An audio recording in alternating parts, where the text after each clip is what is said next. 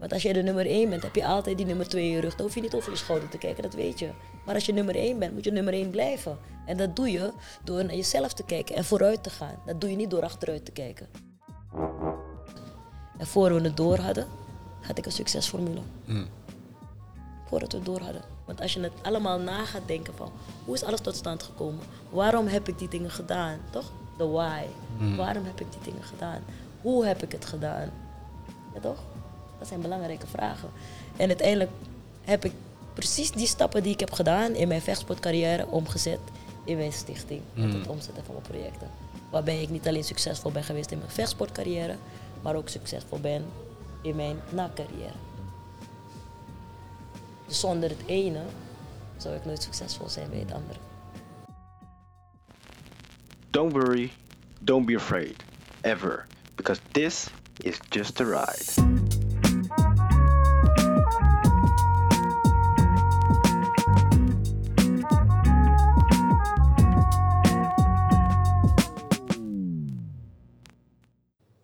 Yes, yes. Goedemiddag allemaal. We zijn er weer. It's Just the Right, de podcast. Nieuwe aflevering. Tijdje terug van weg geweest. Uh, maar voor deze aflevering zijn we afgereisd naar de mooiste stad van Nederland, Amsterdam. Ik ben niet, ben niet helemaal objectief. Ik maar u hoort het al, we zijn hier te gast in een legendarische sportschool met een ware legende. Ze is zevenvoudig uh, kampioen Thai-boksen, wereldkampioen. Yes. Excuus, excuus, moet het goed uh, zeggen natuurlijk, voordat ik die, Ja, ja, ja. voordat ik die hoek in mijn, uh, in mijn visie heb. Maar, uh, maar naast het vechten zet ze zich ook in voor heel veel maatschappelijke doeleinden. Waar we zo direct natuurlijk ongetwijfeld meer over gaan uh, horen. En we zijn vandaag bij niemand minder te gast dan Ilonka Killer Queen Elmond. Oes, dankjewel Oes. voor de uitnodiging. Ja, Allereerst bedankt voor het accepteren van onze uitnodiging en de, en de gastvrijheid ook natuurlijk. Graag gedaan. Voor, wat ik altijd even vraag voor de mensen die je niet kennen, lijkt me sterk. En anders eh, is dit zeg maar het moment. Zou je iets over jezelf kunnen vertellen? Oké, ik ben eh, Ilonka Elmond, ehm, de Killer Queen, dat is mijn bijnaam. Ik ben geboren in Paramaribo, maar vanaf mijn tiende getogen in Amsterdam. En ik heb meerdere plaatsen in Amsterdam gewoond. Ik ben eh Lucien eh, eigenlijk op mijn dertiende al tegengekomen, maar toen nog niet als trainer. En ik ben vrij vroeg begonnen met trainen. Ik denk, nou ja, laat, ik jok, ik jok. Ik ben laat begonnen met trainen, Ik rond de twintigste. Ja. En eh, toen geloofde niemand in me dat ik kampioen zou worden. En juist omdat ze niet in me geloofden dat ik kampioen zou worden, toen hebben we maar meteen zeven wereldtitels eruit gesleept. Ja. Eh, twee Nederlandse titels en een Europese titel. Nou, ik heb 44 wedstrijden gevochten, dacht ik, en eh, drie verloren. Ehm, en eh, de rest allemaal gewonnen. En eentje op, eh, even kijken, ik doe alleen maar gek. Ik heb eh, vier, drie verloren en de rest alleen maar gewonnen. En 16 op KO of 17 op KO. That's about it. Dat is, wa- dat is, eh, even een vogelvlucht. ik wou net je zeggen, je, je, je praat er zo over alsof, van, ja, that's about it. Alsof het een, niet zo'n grote prestatie is. Maar goed, je bent eh, zeven keer wereldkampioen geworden. Ja, En wat ik opmerkelijk vond, ehm, in een positieve manier, is dat volgens mij 23ste, of Ja. 23 was je kampioen geworden? was mijn eerste titel. Je ja. eerste titel. Ja. En wat ik nog opmerkelijker vond, is dat dat binnen een jaar was. Klopt dat? Ja, dat is waar. Dat is echt heel gek, heel snel gegaan.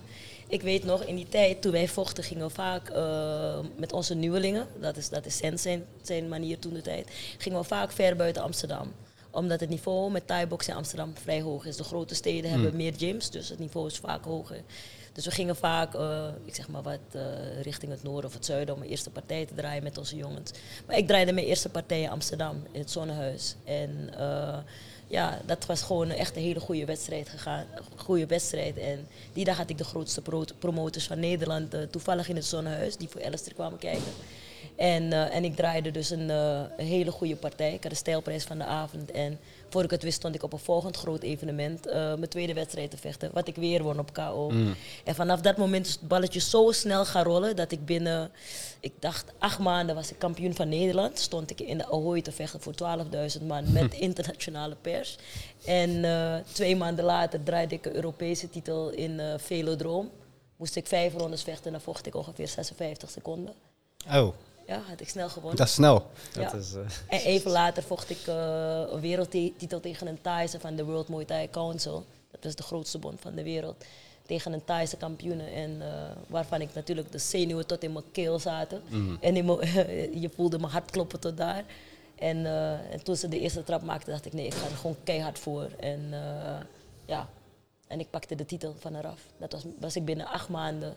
Was ik, eh, ja, binnen een jaar tijd was ik gewoon eh, Nederlands, Europees en wereldkampioen. Ja. Binnen, ik denk in 13 wedstrijden, 12, 13 wedstrijden. Maar om tot die eerste Nederlandse titel te komen, hadden we, hebben we wel echt iedereen uitgedaagd hè, in Europa. Alle kampioenen, alle landskampioenen. Dus ik had niet eens ervaring.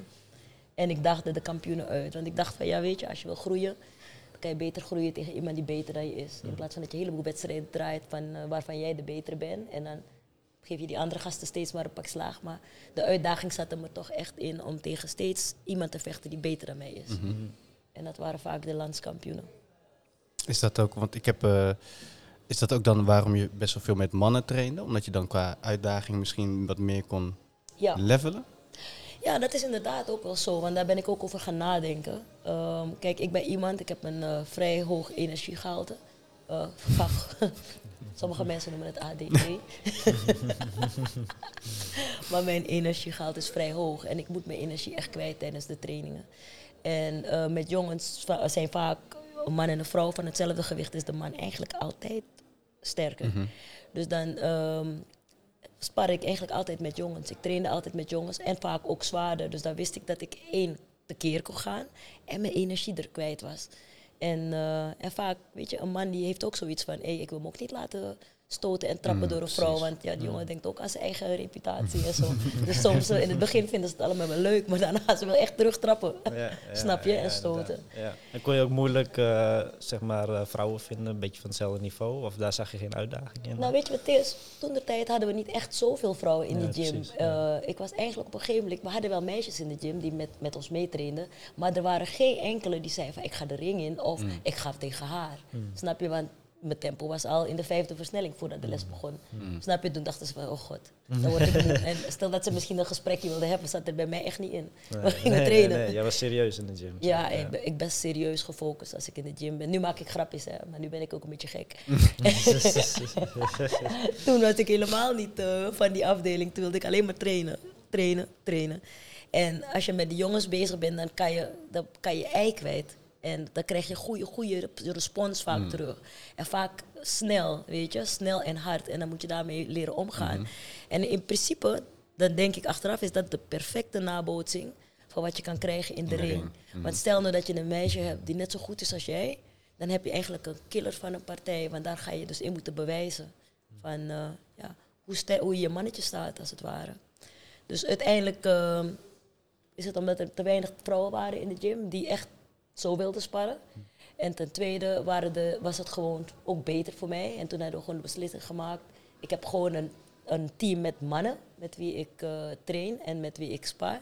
En dat is mijn team en ik vecht tegen de vrouwen. Juist.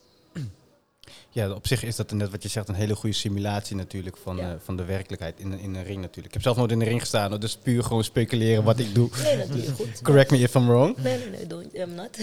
je doet het goed. Wat ik wel even benieuwd was, want je bent op je 23ste, ben je dan echt begonnen met trainen? Of trainde je daarvoor al? Of? Nee, ik heb nooit echt getraind eh, voor mijn 23ste. Ehm, ik wilde heel graag op uh, thai-boksen, of op, ik wist niet eens dat thai-boksen in Nederland was. Maar ik wilde altijd zo'n eh, Aziatische vechtsport doen, weet je. En ik zag die wedstrijden altijd op Eurosport. Maar ik had toch geen idee dat het allemaal ook in Nederland was. En, eh, maar ik mocht van mijn ouders sowieso niet op een vechtsport. Dus, eh, dus dat zat er gewoon niet in. En toen ben ik het toch stiekem gaan doen. En dat was, ik denk dat ik rond mijn... eh, ja, ik, ik was naar school gegaan. Ik heb vaak voor de tram gerend. Wedstrijdjes, eh, Ah, ja. sprintwedstrijdjes met de metro en de tram gehouden. Dus dat was eigenlijk mijn training. Ik heb nooit echt aan de sport gedaan tot mijn 23ste. Nooit gedaan. En dan begin je, stap je op je 23ste ergens een keer een sportschool binnen. En vanaf toen is het eigenlijk heel hard gegaan. Want kan je ons daar eens meenemen hoe dat, Gegaan is. hoe dat gegaan is? Nou, dat komt omdat ik een buur... Ik woonde al op mezelf en ik had een hond. Ik eh, ben een dierenliefhebber en ik echt, wel- echt van honden. En ik had een hond en ik deelde een dakterras met iemand. En eh, dat bleek dus Jerry Morris te zijn. En Jerry Morris was al 14-voudig wereldkampioen in het kickboksen. Maar ook een ex-leerling van mijn trainer Lucien Cabin. En wij raakten bevriend, eh, omdat mijn hond in zijn huis ging. En ik wilde mijn hond terug. En zo leerde ik mijn buurman kennen, Mm. waarbij wij dus een goede relatie kregen. En toen zei hij, ja, je moet een keertje meekomen naar de gym waar ik eh, train. En toen de tijd gaf Lucian les bij Kops Gym, Mm. waar ook Gilbert Ijver trainde en, eh, en zo. En op een dinsdagochtend, ik weet dat het een dinsdag was, ben ik met hem meegegaan. En, eh, en ik wist niet wat me overkwam. Het was de beste les ever. Mm. Ik kon mijn ei kwijt, ik kon razen. Ik dacht dat ik kon vechten. Uh, maar het leek nergens op blijkbaar. maar het was agressief genoeg om zo iemand even apart te pakken. En dat was het moment dat Lucien me apart pakte. En hij zei van, uh, uh, als je serieus bent, kan ik een kampioen van je maken. Dus bij de eerste keer, dus je eerste echte training, Ja. had je sensei Lucien had al gelijk al gezien, oké, okay, hier, hier, zit, potentie in. in. Ja. Dus die heeft je ook gelijk ja, even apart genomen. En Ja. die heeft je dus ook straight up, man op man, even, ja, maar, gewoon gevraagd. Of gezegd, nou, als je zou willen, kan ik je kampioen maken. Ja, want hij, zijn eerste vraag was of ik e- ooit eerder had gevochten. Ja, en mijn antwoord is natuurlijk, wie niet? In Amsterdam heb je altijd. heb je heel wat gevochten, snap je? Is het niet, uh, je hebt altijd gevochten in Amsterdam. precies, ik ken niemand uit Amsterdam die niet heeft gevochten. En toen de tijd was dat gewoon sowieso. En, uh, en toen zei ik van ja, natuurlijk. En toen zei hij van nou, als je serieus bent, kan ik een kampioen van je maken. Dacht ik, yeah, right. Wie is deze man nou? Mhm. En toen zei Jerry mij onderweg naar huis. Dat is die trainer, dat is kamp kamp kampioen, dat is Lucien Carbin. Toen dacht ik, oh, en hij ziet dat in mij. Hij zei, hij zei ja, als hij dat zegt, dan is dat wel echt Mhm. iets. En zo heeft Lucien het zaadje in mij geplant. Van hey, het feit dat hij een uh, potentie in me zag. En het was natuurlijk ook apart, hè. Dat een, iemand jou zegt, hij ziet wat in jou. Juist, ja. Een on- onbekende, als Mhm. het ware. En, dan, uh, en als onbekende is, dat doet dat toch wel met je, toch? En uh, de volgende dag was ik terug. En dan, uh, toen heb ik gezegd, oké, als jij mijn kampioen kan maken, wat heb je daarvoor nodig? En toen zei hij, nou ja, twee keer per dag komen trainen en ik ben de mond en jij bent de oren. Toen zei ik, oké, wanneer gaan we starten? Vandaag? Morgen? Toen zei hij, goed, we gaan direct starten. En toen uh, zijn we aan de slag gegaan. Heb ik mijn baan opgezegd. Toen heb ik op mijn werk uitgelegd van dat ik uh, kampioen ga worden. En die dachten, deze is gek. ja. Maar eerlijk, dat is best wel een, uh, net wat je zegt, toch iemand die, die die potentie in je ziet, dat doet sowieso wel met je. Ja, heel veel. En dan uh, ziet hij het, hij, hij spreekt het uit, je bespreekt het samen en vervolgens maak je zeg maar zelf ook nog de stap van, oké, okay, dan, ga ik al in, ga ik al in, neem, zeg ik mijn baan op en dan ga ik twee, drie keer per dag trainen. Ja. Maar hoe, hoe is die omschakeling? Want dat lijkt me ook wel een grote stap. Dat je ergens eigenlijk jouw eerste training niet, ja, los van uh, straatervaring, iets, iets, meer, iets minder ervaring. Straatervaring heeft me echt niet geholpen. ik, ik denk het is een heel ander verhaal, hè? Straat Ja. en, en, uh, en, en en sportschool. vechten. Ja, ja. Ja. Maar, maar op het moment dat, dan, dat iemand tegen je zegt, wat heeft jij dan wel doen besluiten om die stap ook echt te nemen? Want dat, het lijkt mij best wel een grote stap. Ja, het is een hele grote, grote stap. ja. Weet je waar het, uh, waar het aan ligt? Op het moment dat jij een job hebt, hè? je werkt een 9 tot 5 baan en je doet het. En de ene keer stap je makkelijker uit je bed, de andere keer niet. Um, en het gebeurt vaker dat je met tegenzin naar het werk gaat. Daar zit je eigenlijk niet op je plek. En mm. vaak hebben wij um, mentaal de gedachte, ja, ik moet werken om de huur te betalen en mijn kosten te betalen en van alles. En dan ben je eigenlijk al, ga je eigenlijk al tegen je natuur in, hè? Tegen, je eigen, tegen, tegen je eigen ik in. Dus je doet iets waar, waar, waar je niet gepassioneerd van bent. Mm -hmm. Snap je? En voor mij was dat de ideale moment, het ideale moment, toen iemand zei, uh, ik zie wat in jou. En misschien was het voor mij ook de, de periode dat ik een omschakeling moest maken in mijn eigen, voor mijn eigen ik en in mijn eigen leven. Want ik was niet gelukkig met hetgene dat ik deed. Mm. Ik zocht al naar verandering. Of ik nou moest gaan backpacken in Zuid-Amerika, of dat ik nou een ring in zou moeten stappen. Anything else. Mm -hmm. Want ik wist al wat ik niet wilde. Mm, ja. Dat is die 9 tot 5 baan. En hoe goed, hoe geweldig zou het zijn als iemand naar je toe komt en hij zegt, ik kan kampioen van jou maken. En, en je moet het allemaal ontwikkelen. En je kan het doen met je eigen handen, je benen, je eigen lichaam. En gewoon de juiste mindset ervoor te hebben. Kijk, je hoort op de achtergrond dat er iemand aan het trappen en het stoten is. Mm -hmm. Is ook een gepassioneerd iemand. Mm. Ja toch? Die is hier ook op zaterdag en die maakt er ook En tijd die voor is er vrij. ook op zaterdag. Ja. En soms zijn we er ook op zondag. Dus al moeten we hier om 12 uur s'nachts zijn, Mm. zijn we hier om 12 uur s'nachts. Omdat dat hartje zo tikt. Snap je? Dus dit is passie, wat Ja. je dus hier hoort. Mhm. En toen ik hier zo dus, ehm, toen dat dus met mij gebeurde, dat ik die omschakeling maakte, toen dacht ik, hé, hey, dit is de kans. Want het is niet de trein die je voorbij moet laten gaan. Het is een gemiste kans. Ja. Gemiste kans is gemist. Ja. En toen, toen Jerry dat tegen me zei van dat is de kampioenenkweker. En de kampioenenkweker ziet wat in mij. Geloof me dat ik daar morgenochtend, ik slaap de hele nacht niet en ik ben morgenochtend aanwezig. En ik sta daar en ik neem een drastische keuze. Ja, ik gooi het roer helemaal om. What, I- what do I got to lose? Een baan waar, wat ik al had waar ik niet gelukkig in ben. That's it. Ja, het heeft je niet veel, niet veel slechts opgeleverd natuurlijk om die keuze te maken uiteindelijk. Nee, toch? Het heeft me juist alleen maar goeds opgeleverd. Het heeft, me, het heeft mij, ehm, mij op de eerste plaats het beste leren kennen. Jezelf. Mezelf. Mm. Want ik dacht dat ik mezelf kende, maar ik leerde mezelf pas kennen onder druk. Ik leerde reageren onder druk. Ik leerde schakelen onder druk. Weet je hoe moeilijk dat is? Mensen die krijgen te maken met druk, die, die klappen vaak dicht. Snap je? Want eh, andere mensen die, die reageren. Of andere mensen kan je leren reageren. Of die hoef je alleen maar te slijpen.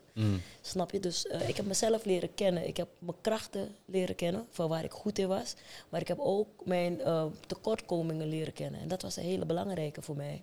Een hele belangrijke les om te zien van, ook ik heb mijn grenzen. En als ik tegen mijn grenzen aanloop, wat doe je met je grenzen? Ga je eroverheen? Ga je je grens steeds verleggen, zodat je steeds verder komt? Of laat je voor wat het is? En kijk, op het moment dat je kampioen wil worden, dan moet je beginnen met grenzen verleggen. Want dat, is, dat maakt het verschil of jij nou tot de grote grijze massa behoort, of net die, die dunne laag erboven bent. Mm, ja. Daar wilde ik bij horen. Dus ik had daar van alles voor over. En hoe is het dan, eh, denk, denk je dat je dat zeg maar zelf zonder vechtsport ook had kunnen, op deze manier kunnen ervaren? Jezelf zo had leren kunnen leren kennen? Nee, ik denk het niet. Ik denk misschien wel hoor, dat zou het een lange harde weg geweest zijn met veel tegenslagen. Dan zou ik waarschijnlijk van baan naar baan gaan en misschien zou ik wel opgeven. Ik weet het niet. Ik zou het niet weten, want het is een traject dat ik dus nu niet meer mee heb gemaakt. Gelukkig niet. Nee man, dat- ik ben zo blij dat ik dat... Ik, ik heb geen idee hoe mijn leven eruit zou zien. Misschien had ik, een- was ik een moeder van tien kinderen. I don't know. Ik ben blij dat ik dat niet ben. ik heb maar één kind eh, helaas, maar eh, achteraf blijken kinderen leuk te zijn. Achteraf. nee, een geintje, ik ben echt blij. Nee, ik ben blij dat ik di- dit traject heb ingezet. Ja, ik ben ik. blij dat ik mezelf heb leren kennen. Ik, ik ben blij dat ik iets heb kunnen doen waar ik eigenlijk vroeger van droomde. Toen ik die wedstrijden zag op Eurosport, dacht ik van wauw, deze mannen zijn tof. Ze zijn in de ring en ze vechten terug. Ik droomde ook van, net als Bruce Lee, die oude Chinese films, Mm. weet je nog? Dat je dan die oude kung fu master in een berg tegenkwam en die man besteedde aandacht aan die persoon en die werd geweldig. Dat wilde ik ook. Maar dan moest ik naar China. en ik had mijn eigen master hier Ja. in Amsterdam uiteindelijk gevonden. Hoe, hoe groot moet je geluk zijn dan, Ja. toch? Bij wijze van spreken, als je het zo wil stellen. En toen ik dat eenmaal had, heb ik dat natuurlijk vastgepakt. En, eh, en, en weet je wat magisch is? Dat is het, wanneer, het geloof dat hij in me had. Mm. Het, het geloof dat mijn trainer geloofde dat hij van mij een kampioen kon maken, dat heeft me zo ontzettend laten groeien. Het is alsof ik een, een boost kreeg, waar je u tegen zegt, een boost met alleen maar positieve energie en oneindig eindig veel mogelijkheden. Dat was niet alleen het bruisen niet vanuit mijn hart, maar ook vanuit mijn hoofd, maar vanuit mijn hele zijn. En dat, had ik gewoon, eh, dat heb ik gewoon gevoeld. En, en, en toen we begonnen met de trainingen, daar wilde ik, eh, als we de combinaties op de pads deden, wilde ik de beste zijn. En als ik die combinaties om moest zetten in het sparren wat we op de pads deden, wilde ik ook de beste zijn. En als ik één keer geraakt werd, wilde ik je tien keer terug raken. En dat was die, dat vuur dat je moet hebben om te gaan. Weet je, dat is dat, die, die innerlijke kracht, die, die, dat is bij mij getriggerd op dat moment. En dan heb ik een fantastisch eh, pa- pad eh, kunnen belopen. Als ik achteraf kijk, denk ik, zo jammer dat het zo laat was. Want anders had ik nu nog meer jaren. Ja. Snap je? ja, precies. Maar eigenlijk ja, laat het wel zien dat je wel talent had. Anders kun je nooit op die leeftijd nog op zo'n niveau komen, denk ik. wel. Ja, blijkbaar had ik dus talent. Ja. Hij had dus talent gezien, maar hij had ook gezien dat ik wilde werken ervoor. Mhm. Weet je, want een talent kan iets zien en het nadoen en die is goed. Maar een talent zonder lust Juist. en ja. hard werken is, is ook maar een eendagsvlieg. Ja. Snap je? Dus Ja. soms zie je dat de harde werkers eh, komen vaak even ver als een talent. Weet je dat? Mm. hebben we vaak gezien met wedstrijden. Als wij naar wedstrijden gingen en evenement gingen kijken, dan zie je gewoon een beetje zo de talent eruit. Oh ja, die jongen gaat goed trappen, is goed, ik zie het ook aankomen. Dan kijk je naar de wedstrijd, zie je misschien tien wedstrijden van die jongen. Dan denk je van, ja, dat is wel echt een talent. Hij doet dingen van nature. Moeilijke situaties gooit hij er iets uit en het zit. En dan heb je die harde werken waar het absoluut niet wil werken. Maar hij blijft terugkomen en hij blijft terugkomen. Hij leert werken, maar hij leert ook combineren en hij leert ook schakelen. Maar in die tussentijd ga je kijken naar een carrière van, ik zeg maar, vijf jaar. Dan is die harde werker vaak even ver als een talent. Want een talent heeft niet hoeven te Werken ervoor. werken. Ja.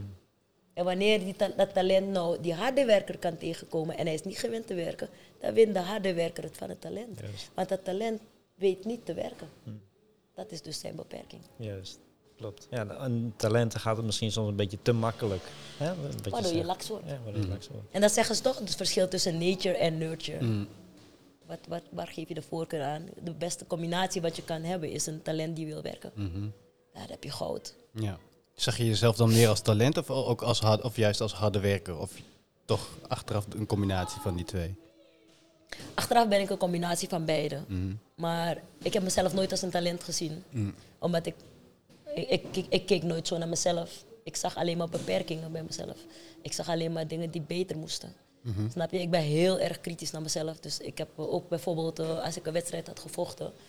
En dan eh, keken Lucian en ik naar mijn wedstrijd. En dan haalden we eerst alle goede dingen eruit. En dan keken we die wedstrijd zeker nog vijf keer. We keken hem tien keer.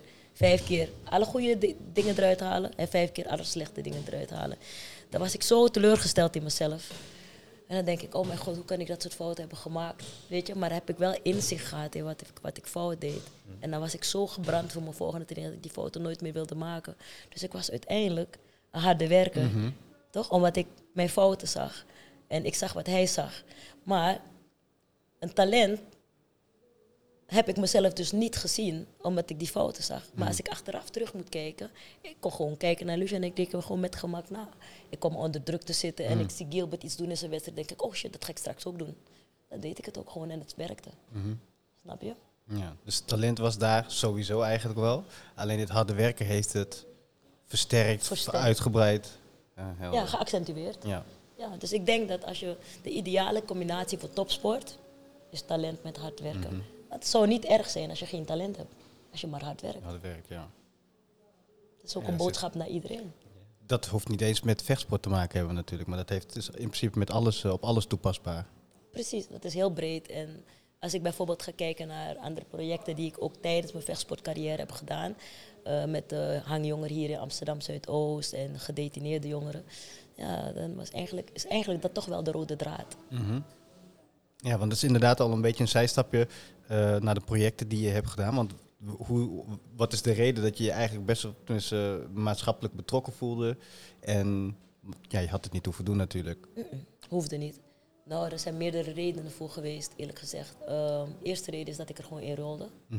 Kijk, Lucien zei altijd, eh, er- ik draaide heel veel wedstrijden. En ik, ik zat in eh, vaak hele lange winning streaks. En eh, kijk, want als je maar drie partijen hebt verloren, dan heb je lange winning streaks, toch? en, en niet altijd was het publiek blij met mijn winning team, want ze zien je lonk alleen maar winnen. Dus dan wordt het tijd, je weet hoe het Nederlandse publiek is. Te vaak heb gewonnen, moet je een keertje op je bek gaan.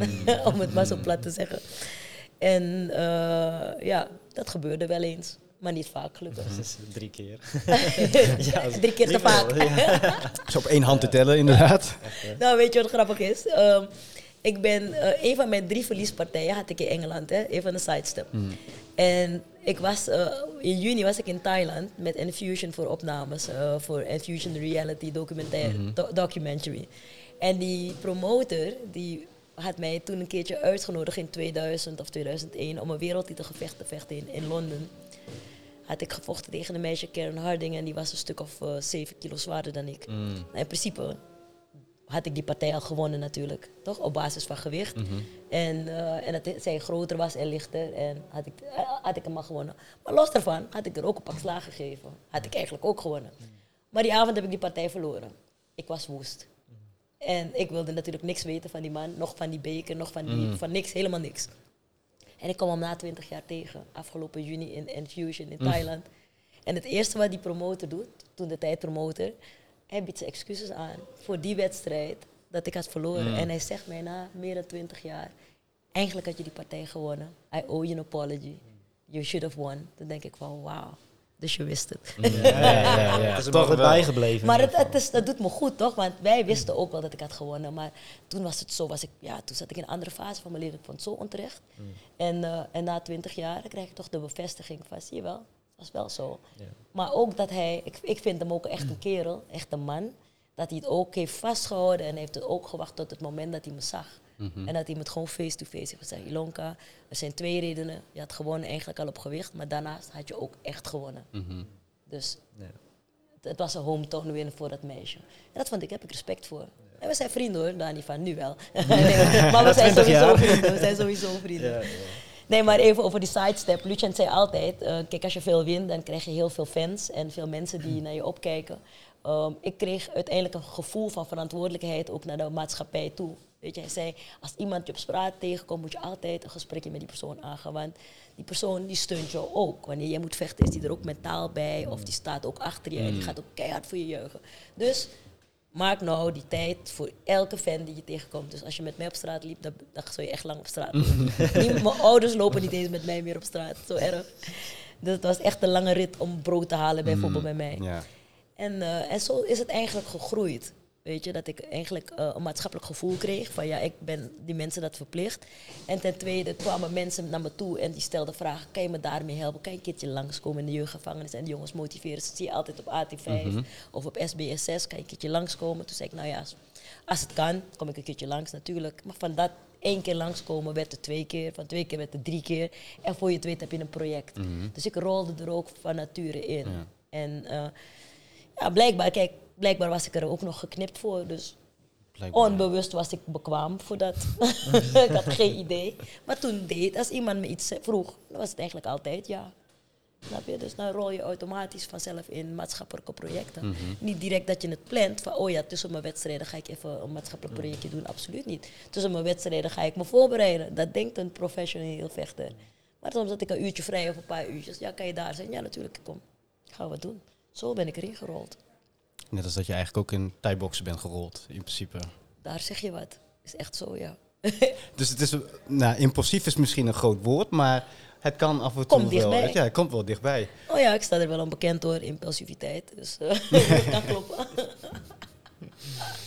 Nee, ik kan me dat goed voorstellen. Op zich, ja, mooie projecten altijd. En ja, net wat ik aangaf, altijd maatschappelijk betrokken. Niet alleen in Nederland, maar ook, ja, wat je aangaf, Suriname. Ook. Ook, ja. Je bent geboren in Suriname. Net, volgens mij tien jaar oud was je, eh, gaf je aan Ja. dat je naar Nederland kwam. Om en bij, ja. Ik denk misschien iets jonger. Maar rond die leeftijd kwam ik Mhm. naar Nederland toe.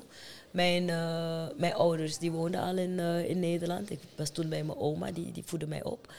En eh, er is een moment geweest dat eh, ik natuurlijk met het gezin moet herenigen. Mhm. En mijn moeder die woonde toen eh, in Amsterdam, die studeerde ook. dus vandaar dat ik dus ook naar hier toe kwam, met, bij mijn ouders wonen. En is, eigenlijk heb ik mijn hele leven hier in Amsterdam gewoond. En nu ben ik meer aan het reizen. Een beetje in mijn na-carrière ehm, dacht ik, nou laat ik een keertje wat terug doen voor Suriname. Omdat ik heb best wel, ja, ik ben Surinaams. En ik heb eh, ja, ook wat voeling met Suriname. Maar ik, eh, ik ga je eerlijk zeggen, als jij mij een paar jaar geleden vroeg waar is die straat, zou ik je echt niet kunnen zeggen. En ik zou niet weten waar het was. Maar omdat je iets terug wil doen voor je land, toch? Dat heb jij toch ook? Als jij bijvoorbeeld, eh, weet je, iets in de mogelijkheid zou zijn om een keertje wat te doneren of wat te doen, dan zou je het wel doen. Zeker. Ja, dus dat speelde eigenlijk bij mij. Dus toen ging ik naar Suriname om eigenlijk een evenement te organiseren. Een Thaibox evenement. waarbij dromen realiseerbaar zijn als je ervoor knokt.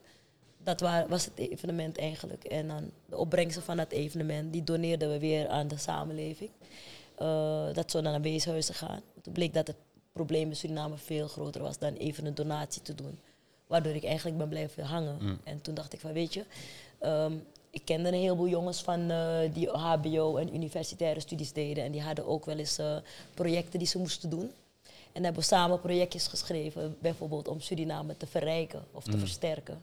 En zo is het project Enriching Suriname gekomen. Waarbij we zeiden dat we gaan focussen op sport en educatie en kansenarme kinderen. En, eh, en vanuit kansarme kinderen ehm, zeg maar, eerst een project organiseren, kijken hoe dat loopt. En van daaruit ehm, duurzame projecten eh, te, te creëren. En dus, dus op lange termijn te werken. En tot zover ben ik daarin succesvol. En wat voor duurzame projecten moet ik dan eh, ongeveer aan denken? Nou, kijk, weet je als, je, als je gaat kijken naar de type projecten dat ik... eh, ik, heb, ik heb ontzettend veel gedaan, jongen. De laatste tien jaar in Suriname is echt belachelijk veel als ik het op papier moet zetten. Ehm, we zijn begonnen met die, eh, met die... Eigenlijk was het een Thai-box evenement, maar het werd een vechtsport evenement. Het, het bleek namelijk te, zo te zijn dat als je naar Suriname gaat, dan praten de kinderen maar over twee sporten. Voetbal en slagbal. Voetbal voor de jongens, slagbal voor de meiden. En als je bijvoorbeeld vechtsport wil aanbieden, dan kunnen ze niet eens zeggen welke type vechtsporten er zijn. Dan gaan ze misschien praten over boksen, maar dan was dat het. Maar dan heb je nog taekwondo, thai-boksen, judo, ik zeg maar wat. Ik noem maar een straatje. Toen dacht ik, weet je wat, ik organiseer één evenement met zes verschillende disciplines. En dan komt, heb ik een divers publiek. En dan laat ik over de hele wereld mensen overvliegen en meedoen aan het evenement. En alle bekende vechters, ook vanuit Nederland, die zetten hun gage in als donatie. Dus ze vechten gratis. Toch? Maar ze doneren hun gage aan, aan wat wij met die pot gaan doen. Dus we hebben, hebben geld opgehaald, succesvolle evenementen georganiseerd, was wereldwijd eh, bekend. Geld ge- eh, gedoneerd, eh, ontvangen. En ehm, toen hebben we gezegd, laten we eerst een onderzoek doen om te kijken waar de schoen wringt in Suriname. Want als er zoveel talenten in Suriname zijn, waarom komt het niet tot uiting? Ja, toch? Toen bleek dat er problemen waren in de degelijke sportbegeleiding, ehm, sportfaciliteiten, maar ook in, in, eh, in, in scholing. Dus toen dacht ik van nou, dan moeten we niet op één vlak werken, maar op alle drie vlakken tegelijkertijd. En toen zijn we projecten gaan schrijven. Projecten gaan schrijven om een sportstadion te bouwen. We hebben er twee gebouwd. Eentje in het district Borkopondo van de waarde van een miljoen met de KNVB, Roosevelt Goldmine Staatsolie en de Suriprofs. En een andere eh, wat we hebben gebouwd, hebben we gedaan met BHP Billiton, een, een ehm bauxite mining company uit Engeland. Dus dan praten we echt over de big Ja, boys. dat zijn wel grote, grote bedrijven inderdaad. Ja. En dus die waren dan ook mijn partners. Hmm. Eindelijk een keertje normale partners, zou je zeggen. ja, dus, dus hebben we ge- gewerkt aan de accommodaties. Accommodaties gebouwd, project geschreven, geld binnengehaald, gebouwd, gedoneerd. Ik trek me terug. Volgend project was zorgen dat de materialen kwamen. Heb ik met eh Chevrolet uit Amerika heb ik iets van 5000 indestructible balls gehad. Nou, die 5000 indestructible balls heb ik over heel Suriname verspreid. Naar alles waar kinderen zijn, tot in het diep, diep in het bos materiaal. Toen kreeg ik een project met UNICEF, waarvan ik eh, hun sportambassador werd. Toen hebben we Sport for Development project gedaan. Hebben we alle scholen in heel Suriname sportkits gegeven. Nu heb je accommodatie en materialen. Juist. Toen bra- ontbrak het in de begeleiding. Projectje geschreven met HVA van Amsterdam, ROC van Amsterdam. Gevraagd, kunnen jullie je docenten inzetten? Dus op, doorbetaald. Dus dat is donatie aan mij toe. En dan gaan wij mensen in Suriname gratis trainen. Zetten we een trainingspakket eh, eh, in elkaar. Nou, dat heeft ongeveer een waarde van 750 euro. Die mensen werden zeven dagen lang intensief getraind met de examen.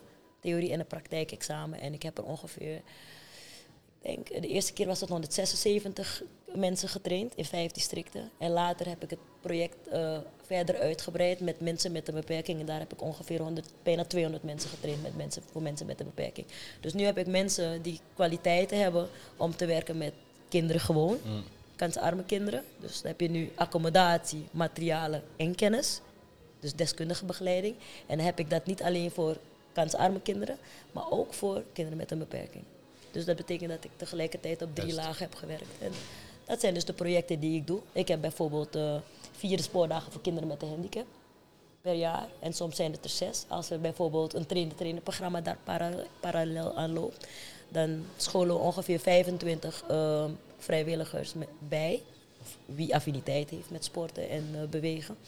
En die scholen we daar gratis bij. En die zetten we dan in op de sportdagen voor de kinderen met een beperking. En vier keer in het jaar kunnen we dan monitoren en evalueren of ze bijvoorbeeld hun tools goed gebruiken. En dan eh, heb ik nog een project heet eh, Special Heroes Suriname. Ehm, en dan heb je sport en bewegen en kunst en cultuur. En dan gaan we vanuit het speciaal onderwijs of eh, organisaties waar arme kindertjes zitten, maken ze kennis met kunst en cultuur of misschien verschillende sporten en bewegen. En dan werk ik met de sportbonden waarbij we die sportbonden trainen dat zij weten om te gaan met die doelgroep. En dat ze dan die jongens ook een afzetmarkt aanbieden, bijvoorbeeld na school. Na school kan je naar die sportclub gaan om mee te sporten. En goede begeleiding. Dus dat is eigenlijk een beetje wat ik doe. Dus net wat je zegt, ja, het, het probleem ligt eigenlijk dieper dan alleen een gebouw eh, doneren destijds. Ja, Ehm, als ik het zo hoor, heb je eigenlijk een hele infrastructuur opgezet om juist dat, Ja. dat sport op de, van de grond te krijgen daar. Ja, absoluut. Ik- dus als ik nu, nu ik met je erover praat en ik rol het er Ja, even uit, ja. dan denk ik van ja, dat is toch al wat ja. Ja, het is een hele infrastructuur. Want ja, je kan net zo, je kan, eh, Ja. eh, je kan ehm, een sportschool bouwen, maar als je niet de faciliteit, of zeg maar niet de materialen hebt, of juist niet de mensen om les te geven, ja, dan heb je alleen een gebouw, zeg Dan maar. heb je alleen een gebouw, ja, Ja. maar geen sportschool. Ja, het, weet je, dat ding kwam eigenlijk eh, aan de orde op het moment dat je ergens... Bij mij ging het namelijk zo. Op het moment dat je ergens mee bezig bent en dan zie je ineens van shit, eigenlijk ontbreekt dat. En dan eh, denk je, oh ja, hoe gaan we dat even erbij halen? Dan ga je telefoontjes plegen. Oh ja, kan je hem wel daarmee helpen? Oh ja, goed, maar hoe gaan we dat doen? Nou, dan ga je met elkaar brainstormen. Misschien moeten we dat doen. Nou, dan schrijven we samen een projectje. Dan dien ik het in bij eh, een olieboorplatform. Want je hebt voor de kust van Suriname een heleboel van die eh eh goud, het? oliezoekers. Zoals Exxon, Shell, noem maar op. Die zitten allemaal daar.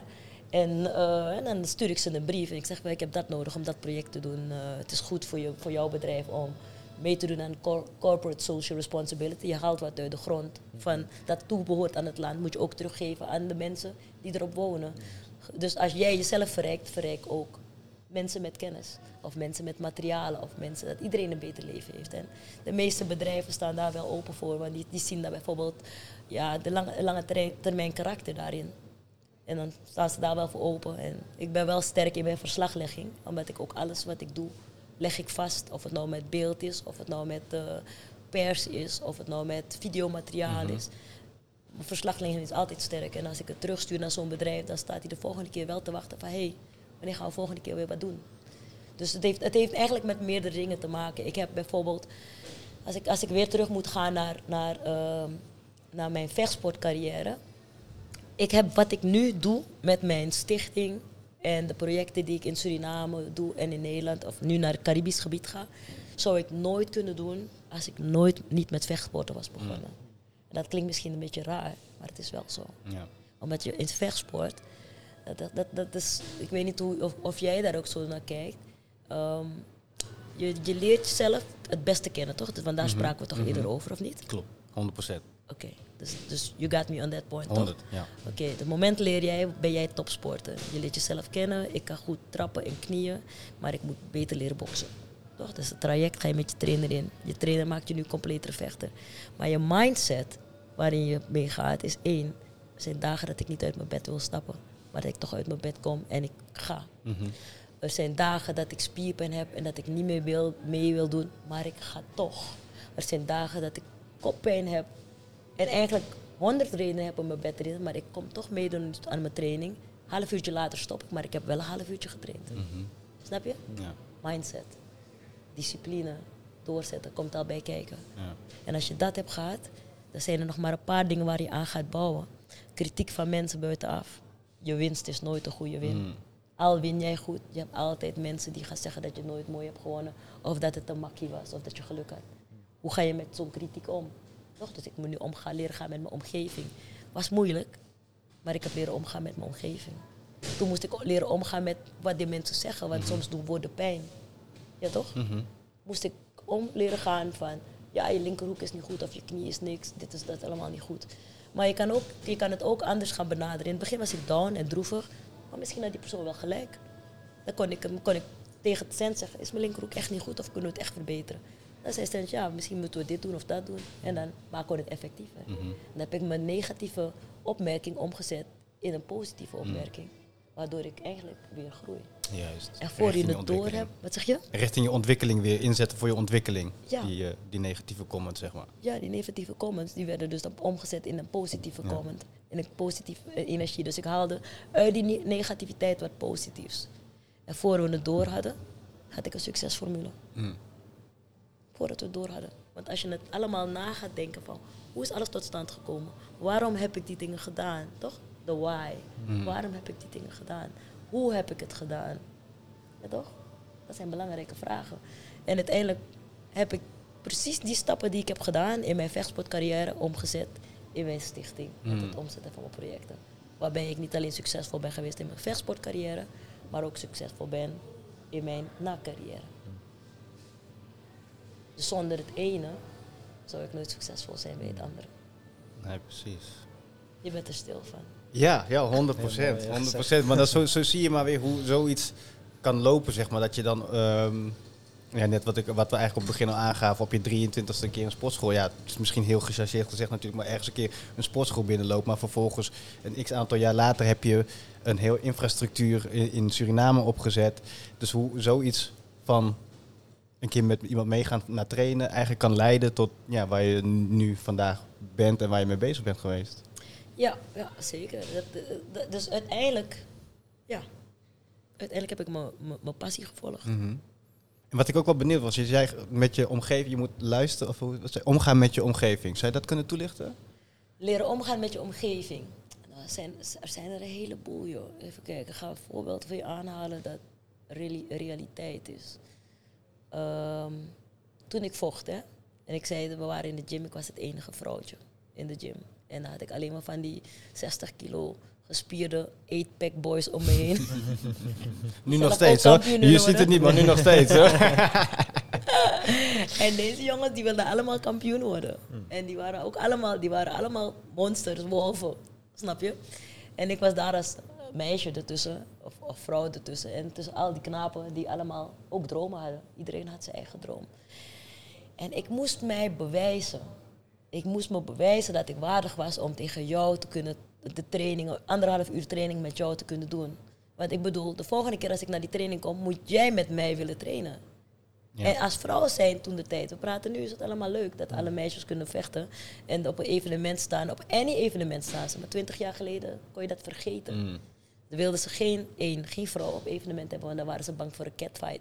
Toch? Hoe ga je aan haren trekken als je handschoenen aan hebt? Maar die, maar die promotor die wilde het liefst geen damespartijen hebben.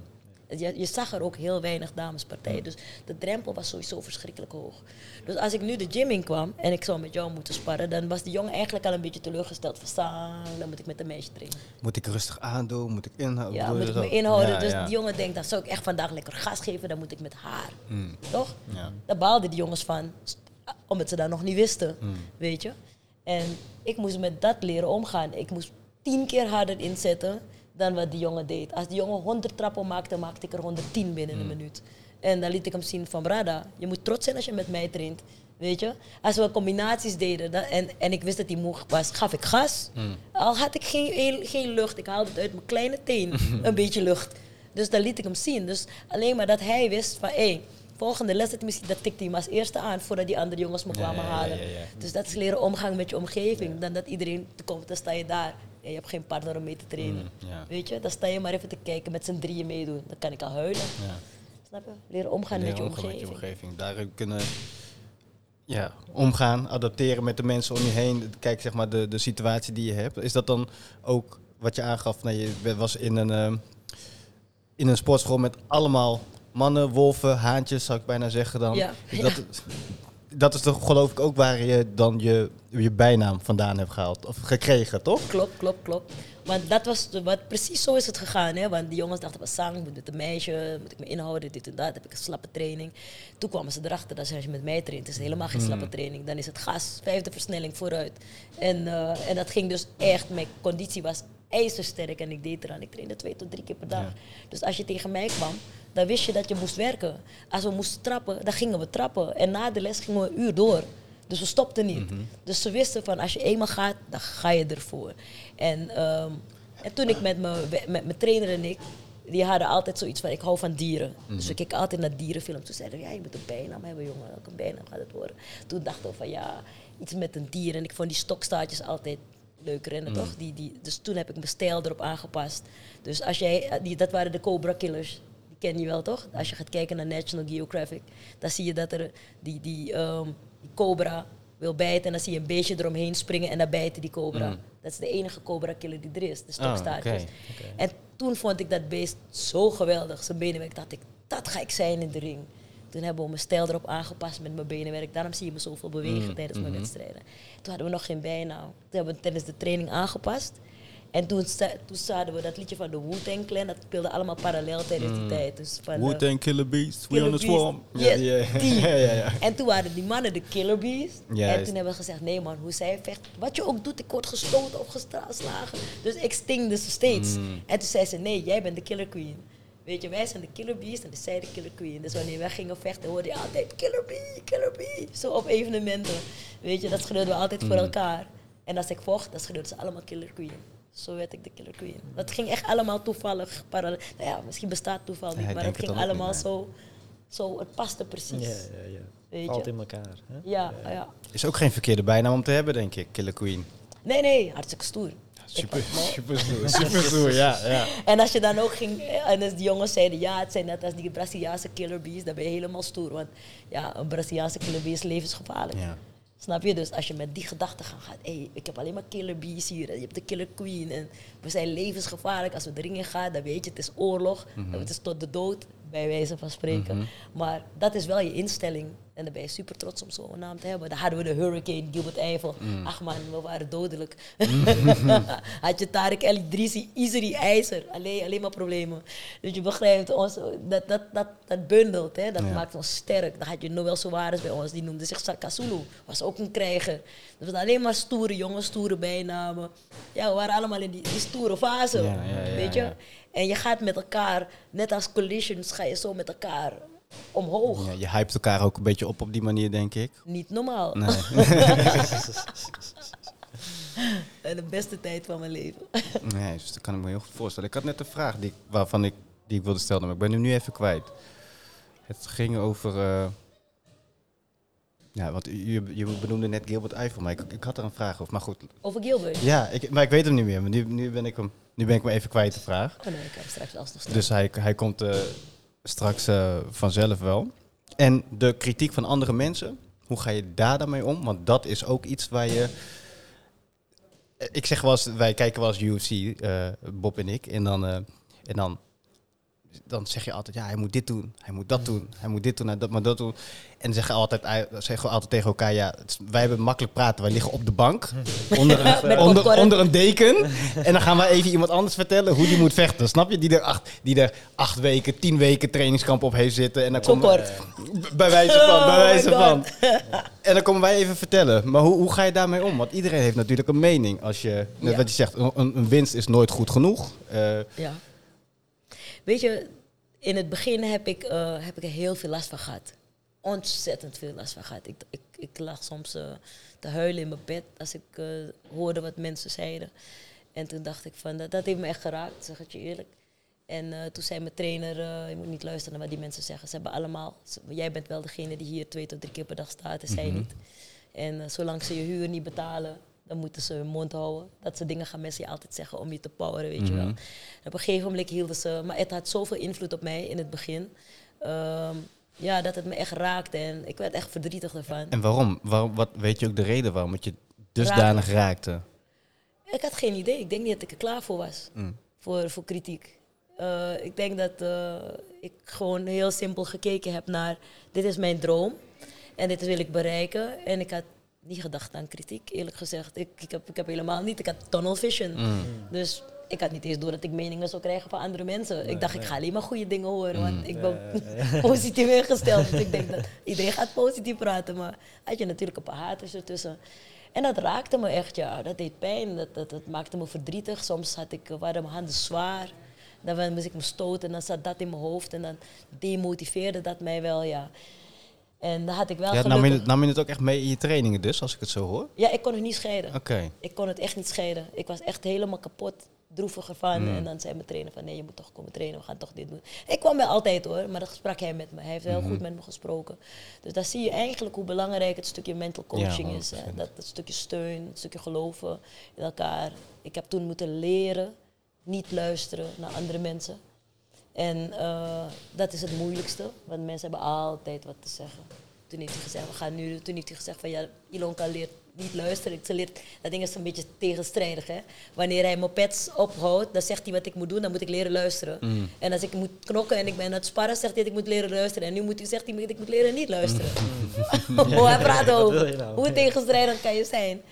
En toen heeft hij gezegd, we gaan het proberen om te zetten in die positief. En toen eh, hadden we iemand uit Rotterdam, het was een, eh, een bokser, een bokscanner.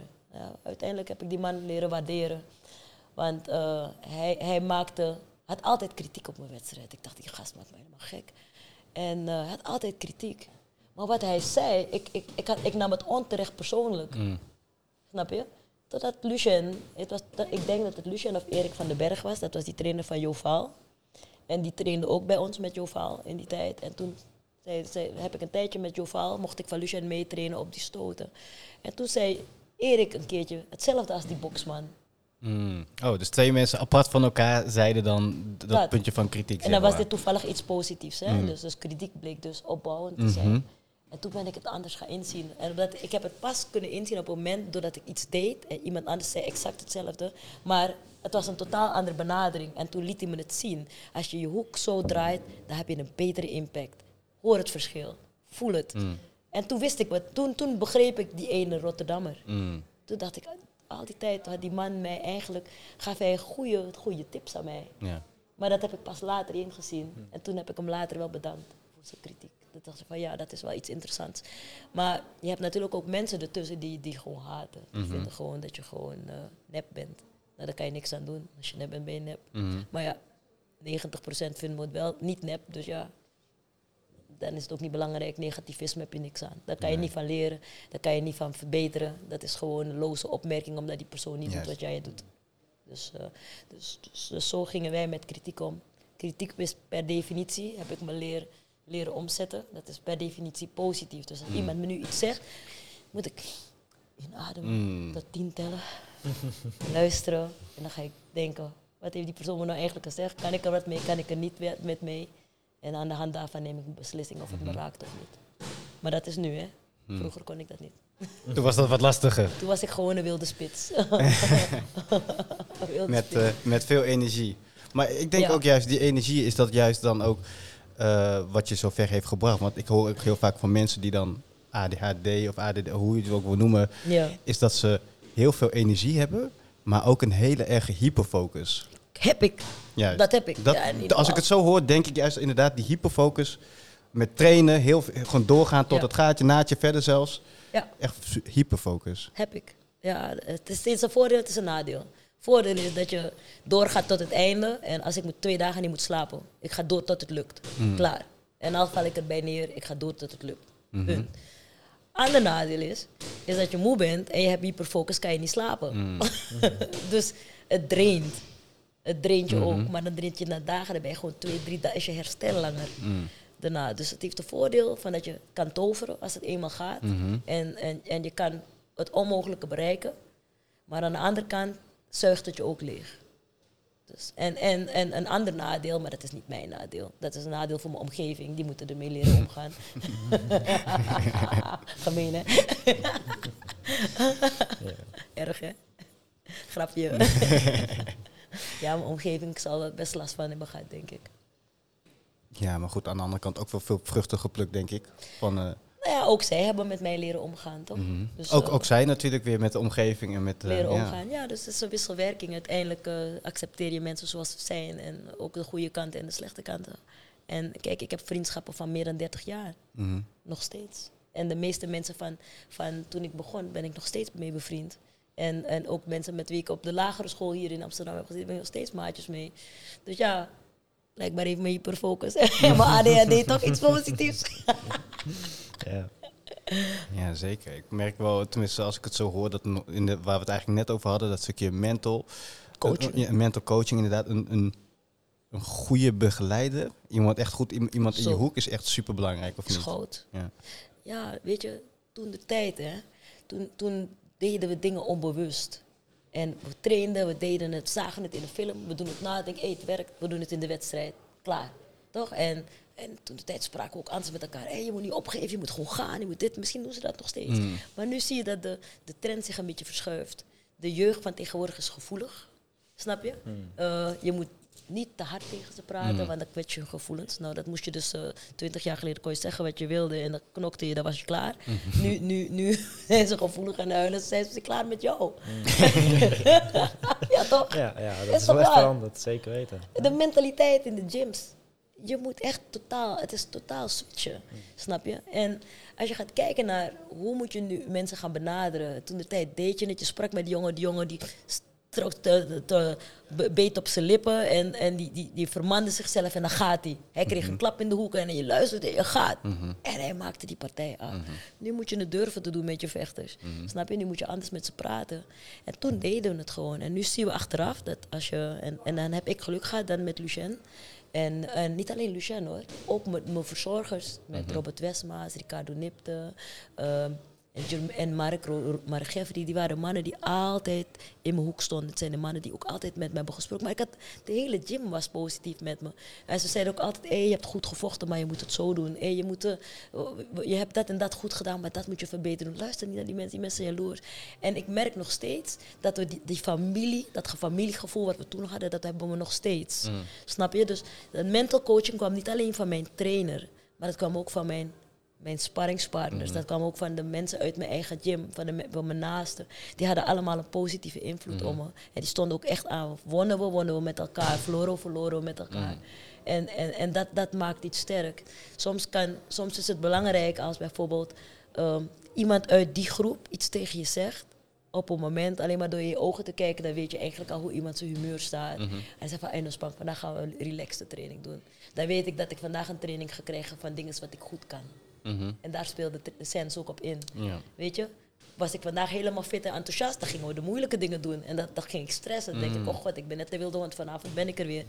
Maar heb ik een off day, dan he makes me feel good. Met de combinaties die we doen en het gesprek dat we tussentijds hebben tussen de combinaties. Hé, je hebt dat goed gedaan, misschien moeten we het zo doen, laten we dat proberen.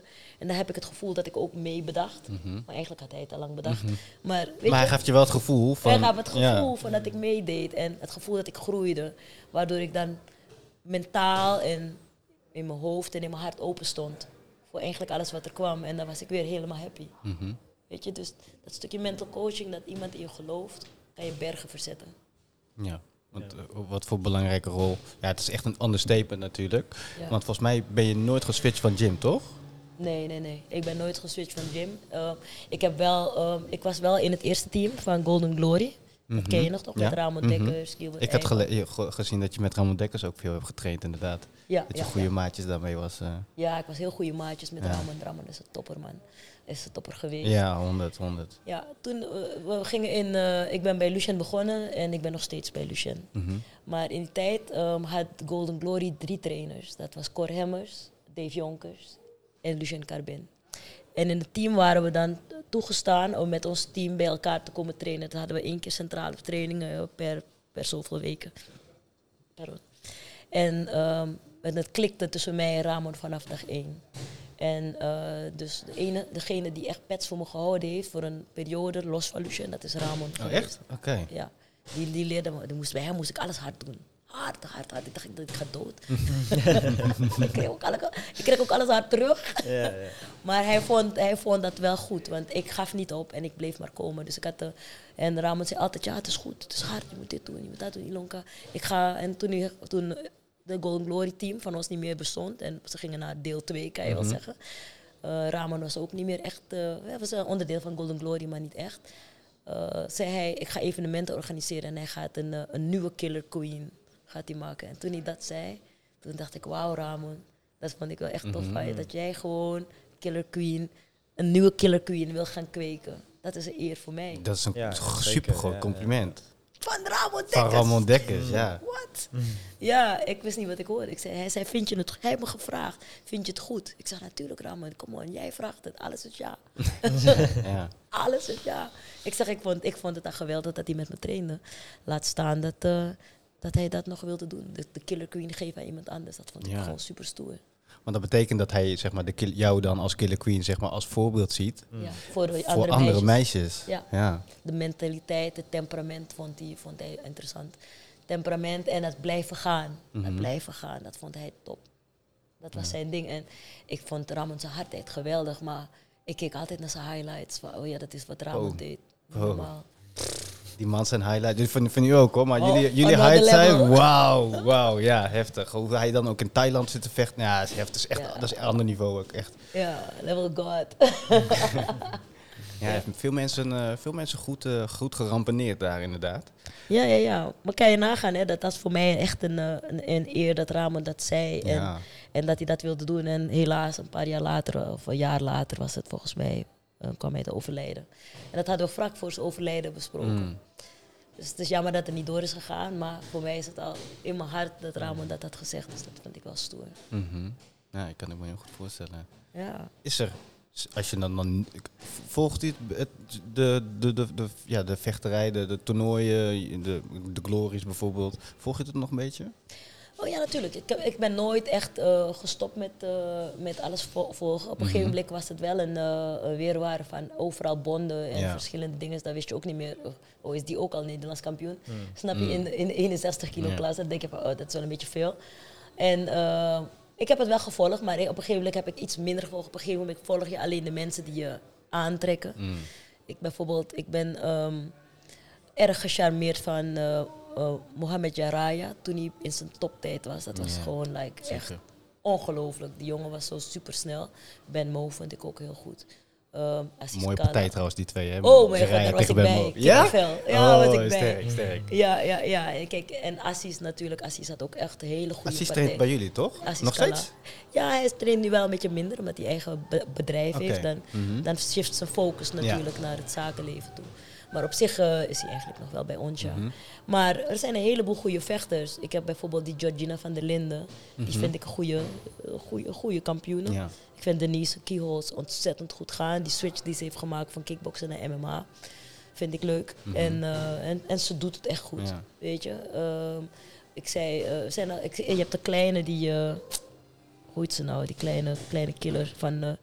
Marokkaans meisje, die traint ook bij Dave Gym. Je weet ik Ami-. Amirata of zo? Ik weet niet. Ameri- Am- Am- ja, oh ik, weet, god. ik weet precies niet hoe je het uitspreekt inderdaad, maar we weten Maar wie je ik ben haar, ja. ik vind haar stoer, ja. Ik vind dat leuk. Ja. Dus ik volg het, ja. Maar ik heb hier en daar, I pick my favorites. Ja. Is er een, ergens een nieuwe, of een, Killer Queen 2.0? Moet ik gaan kijken? Ja? We gaan kijken. Nu, nu dat mijn zoon eh, volgende week zijn eerste partij gaat eh, vechten. Eh, mijn zoon is net 13 jaar, dus Mhm. hij gaat nu zijn eerste partij draaien in Den Haag volgende week. Dus dan gaan we even kijken hoe dat gaat. Ga ik me nu meer richten op de jeugd. Want Mhm. in principe, als je met eh, volwassen vechters bezig bent, dan kijk je niet zoveel meer naar jeugd. Mhm. Weet je, je komt niet meer op die evenementen. Maar meer naar de volwassen evenementen.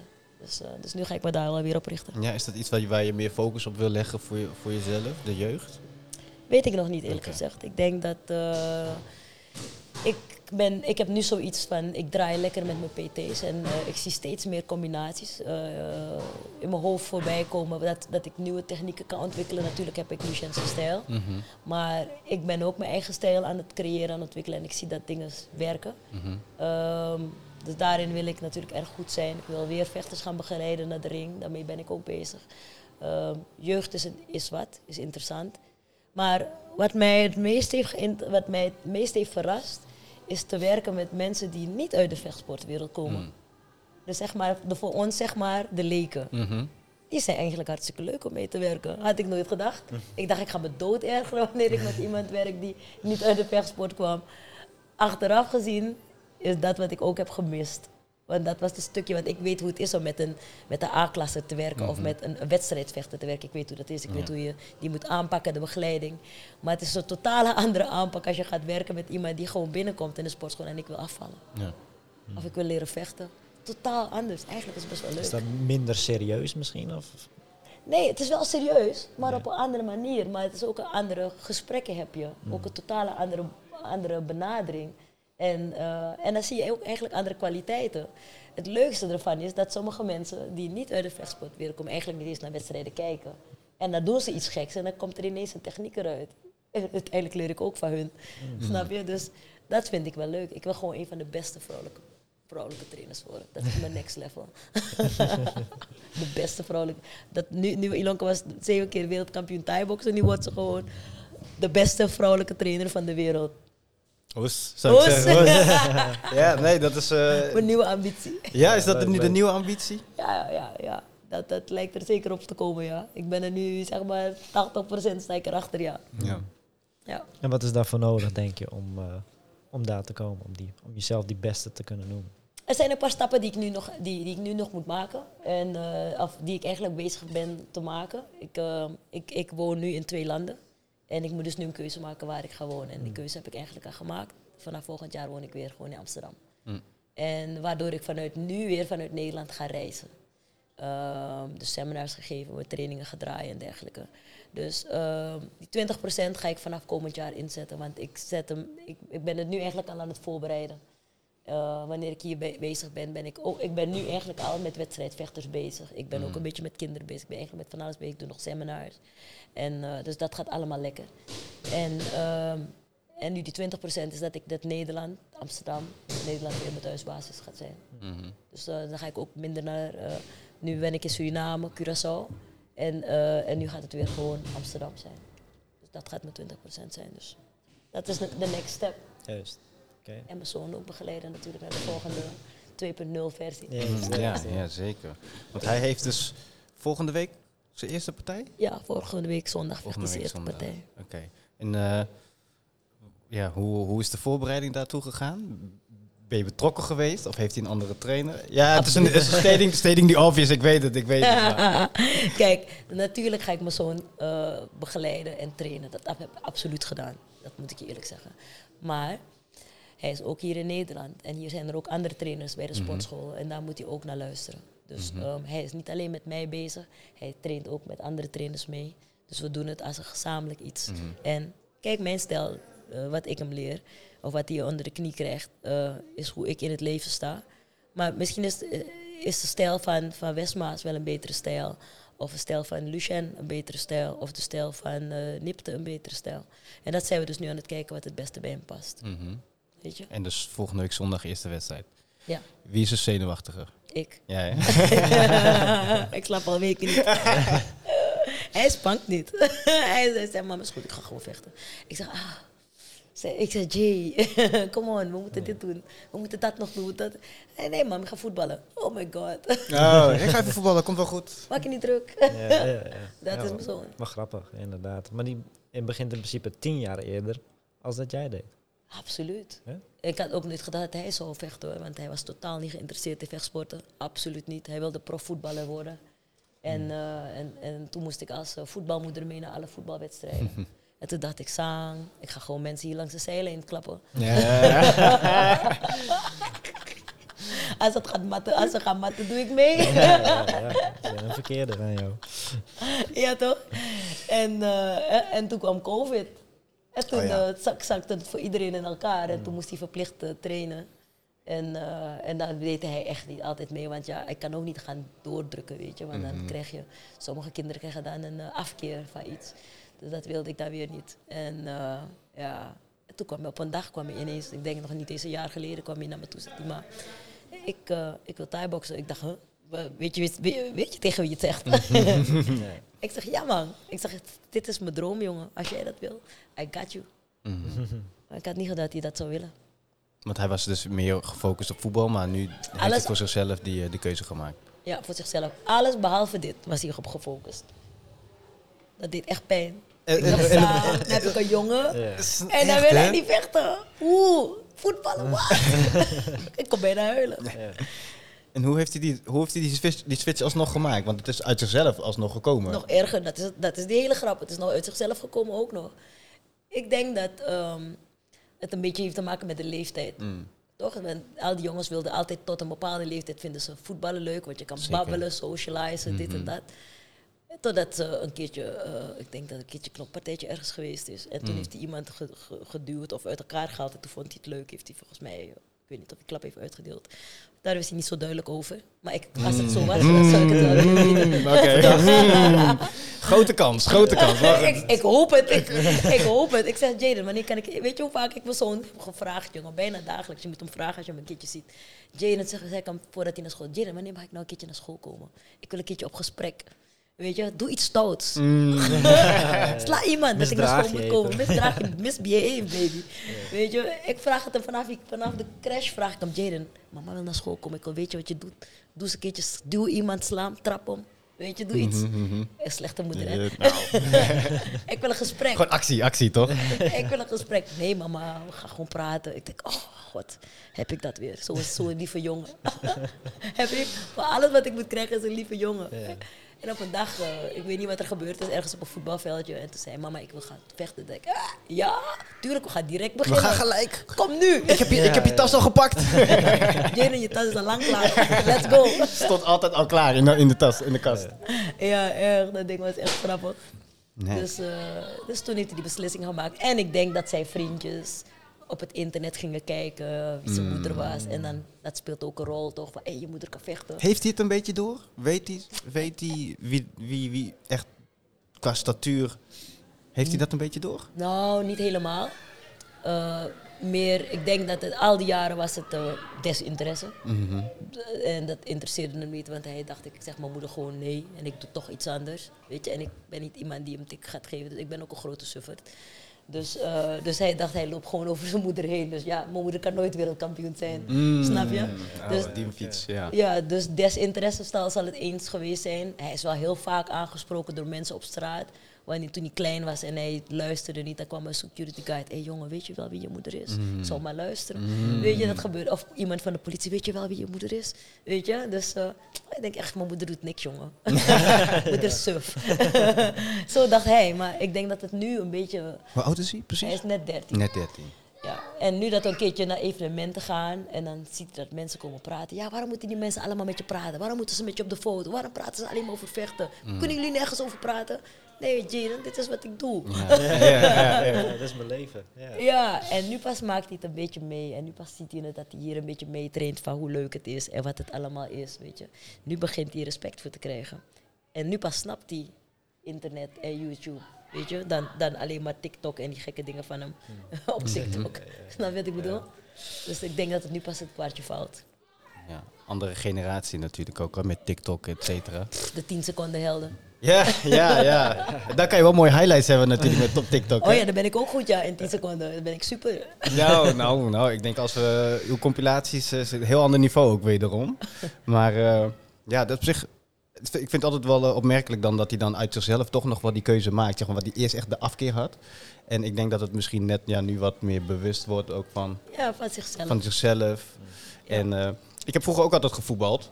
En ik zeg ook wel eens tegen Bob van ja, als ik zelf de keuze had, als ik het opnieuw zou kunnen doen, zou ik persoonlijk niet meer op voetbal gaan Waarom?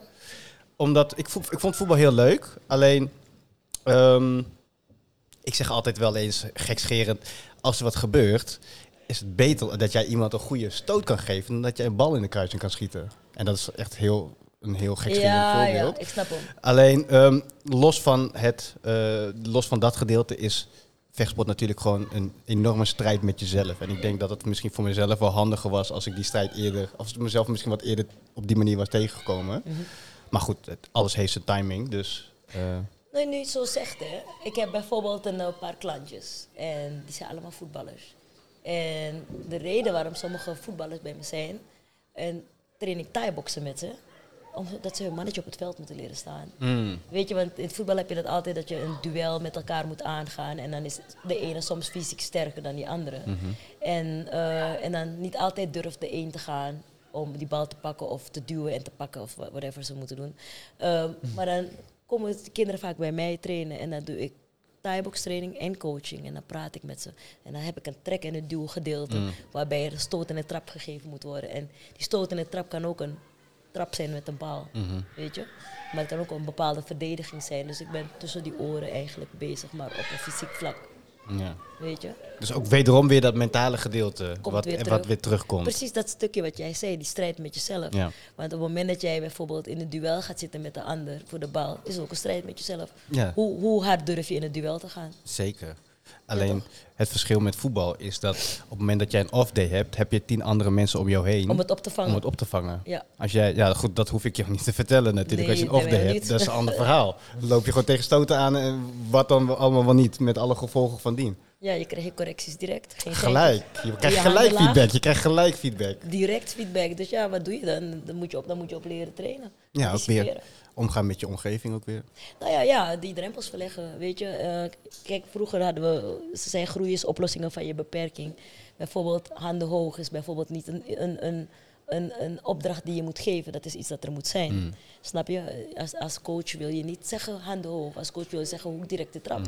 Die, ba- die basics moeten gewoon, die fundamentals moeten er al in zitten, zeg Ja, maar. Ja. dat vind ik wel. En als jij met een, een, een vechter werkt of met een, een, een andere sporter werkt, dan weet je van dat zijn de minimale vereisten om, om, om met iemand te kunnen werken. Is dat die basic er is en van basics gaan we bouwen. Mhm. Snap je? Nee, dus je begint echt bij een basis, de, de, de basisdingetjes, en dan ga je telkens verder uitbouwen. Ja, het zeker, zeker. En dan het stukje, het stukje wat je hebt ook tussen de oren. Van hé, hey, luister, je moet hier vooral doorzetten, je moet dit doen, je moet dat doen. Eh, vooral niet opgeven. Vandaag had ik met een klein klantje, die, eh, ze waren aan het sparren. En die ene sloeg te hard. Maar hij ging door. Ondanks dat hij harde klappen kreeg. En hij bleef doorgaan en combineren. Maar hij was er droevig onder. En dan is dat voor mij een moment dat ik hem apart ga pakken. Weet je, tussen de training of na de les. En dan zeg ik van luister lieverd. Je hebt eh, misschien wel ehm, harde stoten en trappen gehad. Maar je hebt ook veel meer uitgedeeld. Misschien omdat je eentje voelt en het doet pijn. Dat denk jij van dat die stoot en trap voor jou alleen maar zit. Maar in die tussentijd heb jij true. vijf keren gescoord. True. En dat is op dat moment wat ze niet zien. Dus als je ze op dat stukje inzichtelijk maakt, dan kom, krijg je heel langzaam weer een glimlach. En dan denkt hij, oh ja, dat heb ik niet zo gezien. Weet je, ik zeg ze ook altijd, wanneer die ene moe is, wanneer jij moe bent, dan is die andere ook moe. Je bent niet alleen. Weet je, dat is een stukje waar je bijvoorbeeld met je vechter bezig bent, dat hij leert vertrouwen in zichzelf. Leert dat hij moet geloven erin. Oh ja, ik ben moe, maar hij is ook moe. Mhm. Weet je? Weet je, stoten krijgen en stoten uitdelen kost evenveel energie. Snap je? Dus dat stukje moet je moet dus realiseren. Weet je, van, oh ja, als ik een stoot uitdeel, dan kan ik liever uitdelen dan, dan klappen krijgen. Mhm. Juist, ja. Ja toch? Ja. Blijven gaan, dan dichtstaan. Dichtstaan kost energie. Snap je? Dus, eh, ja, ja. Waar ik altijd aan moet denken is eh, het gedeelte uit de vorige podcast. We hebben het over die eh, mental coach.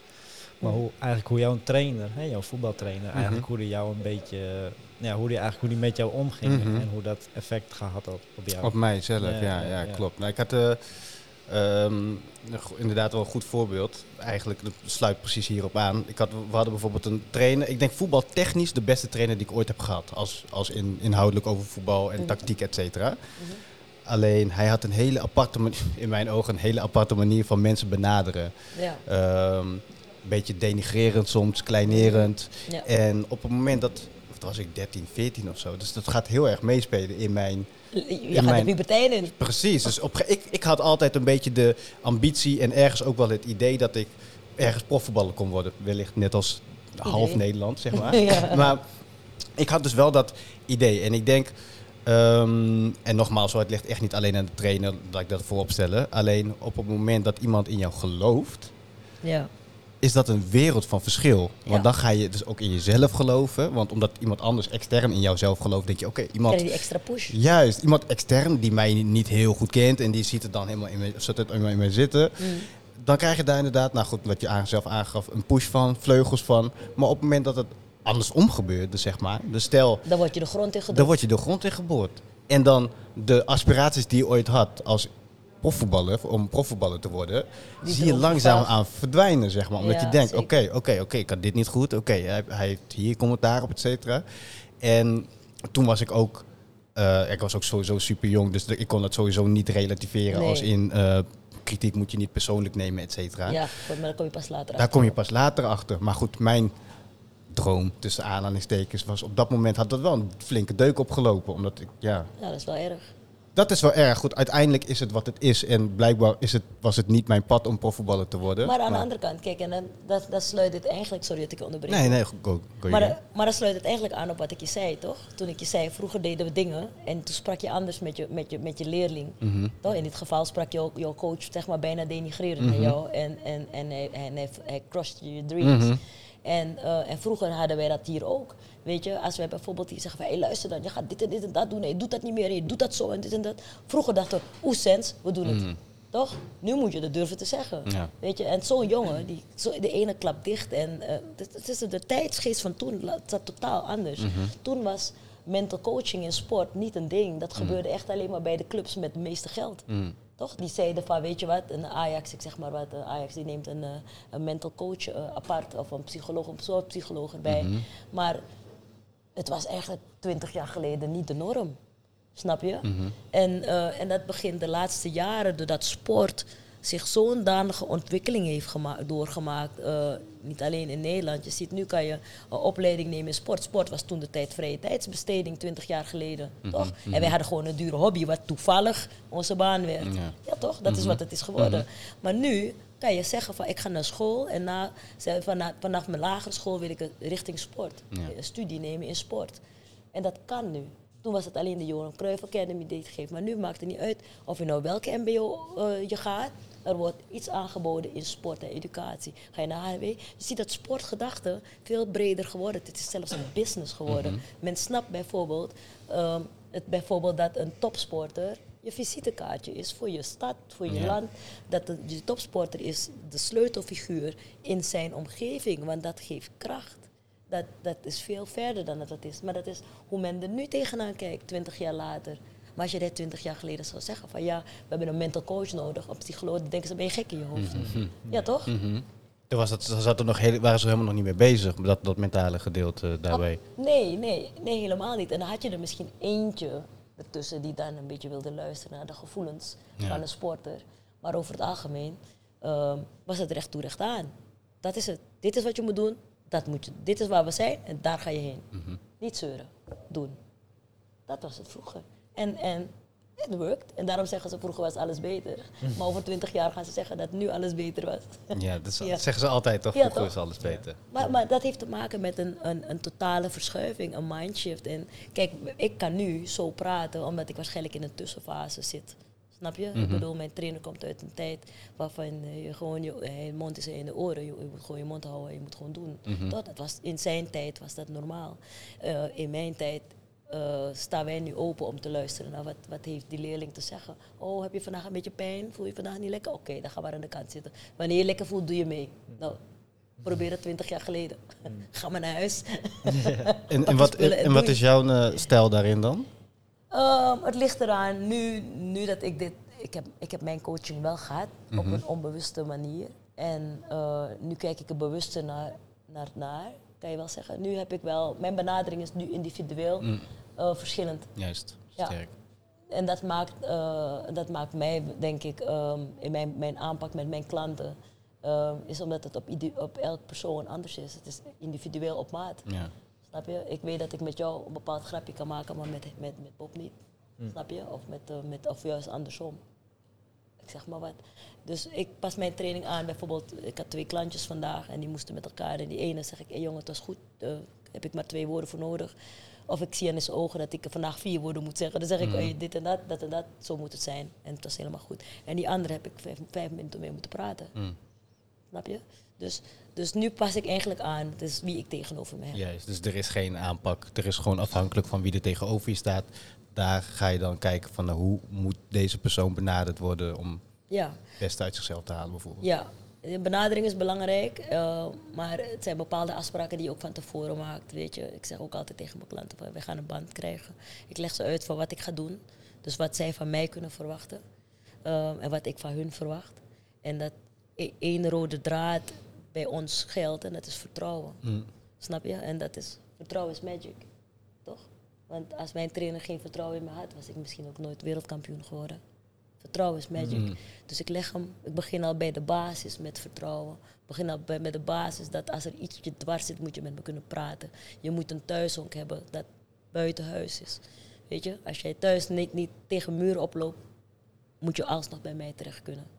Als je met mij niet kan praten, dan ga je thuis praten. mhm. Maar er moet een uitlaatklep zijn. Dus, dus daarmee ben ik dus bezig om te creëren. Dus, dus dat is een stukje coaching dat ik nu meeneem in eigenlijk al mijn trainingen. Met iedereen op maat. Vandaag heb ik met iemand apart zitten rekken, omdat ik mijn programma aanpas op zijn situatie. Snap je? Op zijn lichaam. En die ander heeft het helemaal niet nodig. En dan gaan we gewoon door. En dan moet ik juist meer praten of juist helemaal niet. Het is echt maatwerk. Maatwerk, ja. Ik werk eh, zeker op maat. Mhm. Maar wel op basis van vertrouwen. Dus dat is gewoon dus de basis, is vertrouwen en van daaruit ga je verder werken. Van daaruit gaan we groeien. Maar we groeien samen. Snap je? Als het Mhm. iets dat niet goed gaat, ga ik je ook zeggen. En kunnen mensen daar goed mee omgaan? Ehm, kinderen hebben er meer moeite mee. Want zij weten nog niet om te gaan met meningen van anderen. Mhm. Dat is hoe ik ook er niet mee om kon gaan. Dus kinderen hebben er vaak problemen mee en dan heb je altijd traantjes. En, eh, en ik zeg ze dat het oké is. Het maakt niet uit of je jongetje of een meisje bent. Moet gewoon huilen. Mhm. Weet je, de, de maatschappij die is ook zo, zo, zo hard om te zeggen dat je als, als jongen niet moet huilen. Wat is dat voor onzin? Ik zeg, mijn zoon, je moet huilen hoor. Wil je huilen, huil je. Weet je? Want eh, voor wie moet je het inhouden? Voor al die mensen die een mening hebben en niet durven? Mhm. Ik zeg echt niet hoor. Als je droevig voelt en je wil huilen, huil. Weet je, echte mannen huilen. Mhm. Snap je? En die, laat, die durven te tonen wie ze zijn. Je durft je zijn wie je bent. Daarom zeg ik hem, jij bent de man van later. Als je moet huilen, huil. Echte mannen huilen.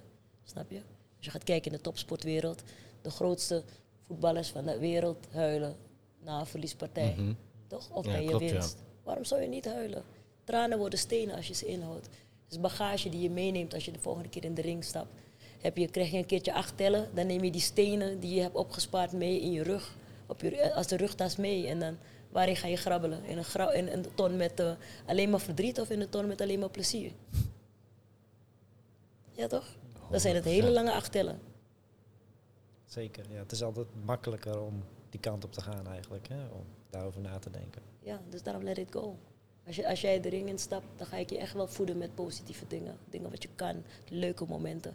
En het moment dat je die acht tellen krijgt en je moet binnen acht tellen herstellen. En je, je, je hebt is een hele dunne lijn of je doorgaat of stopt.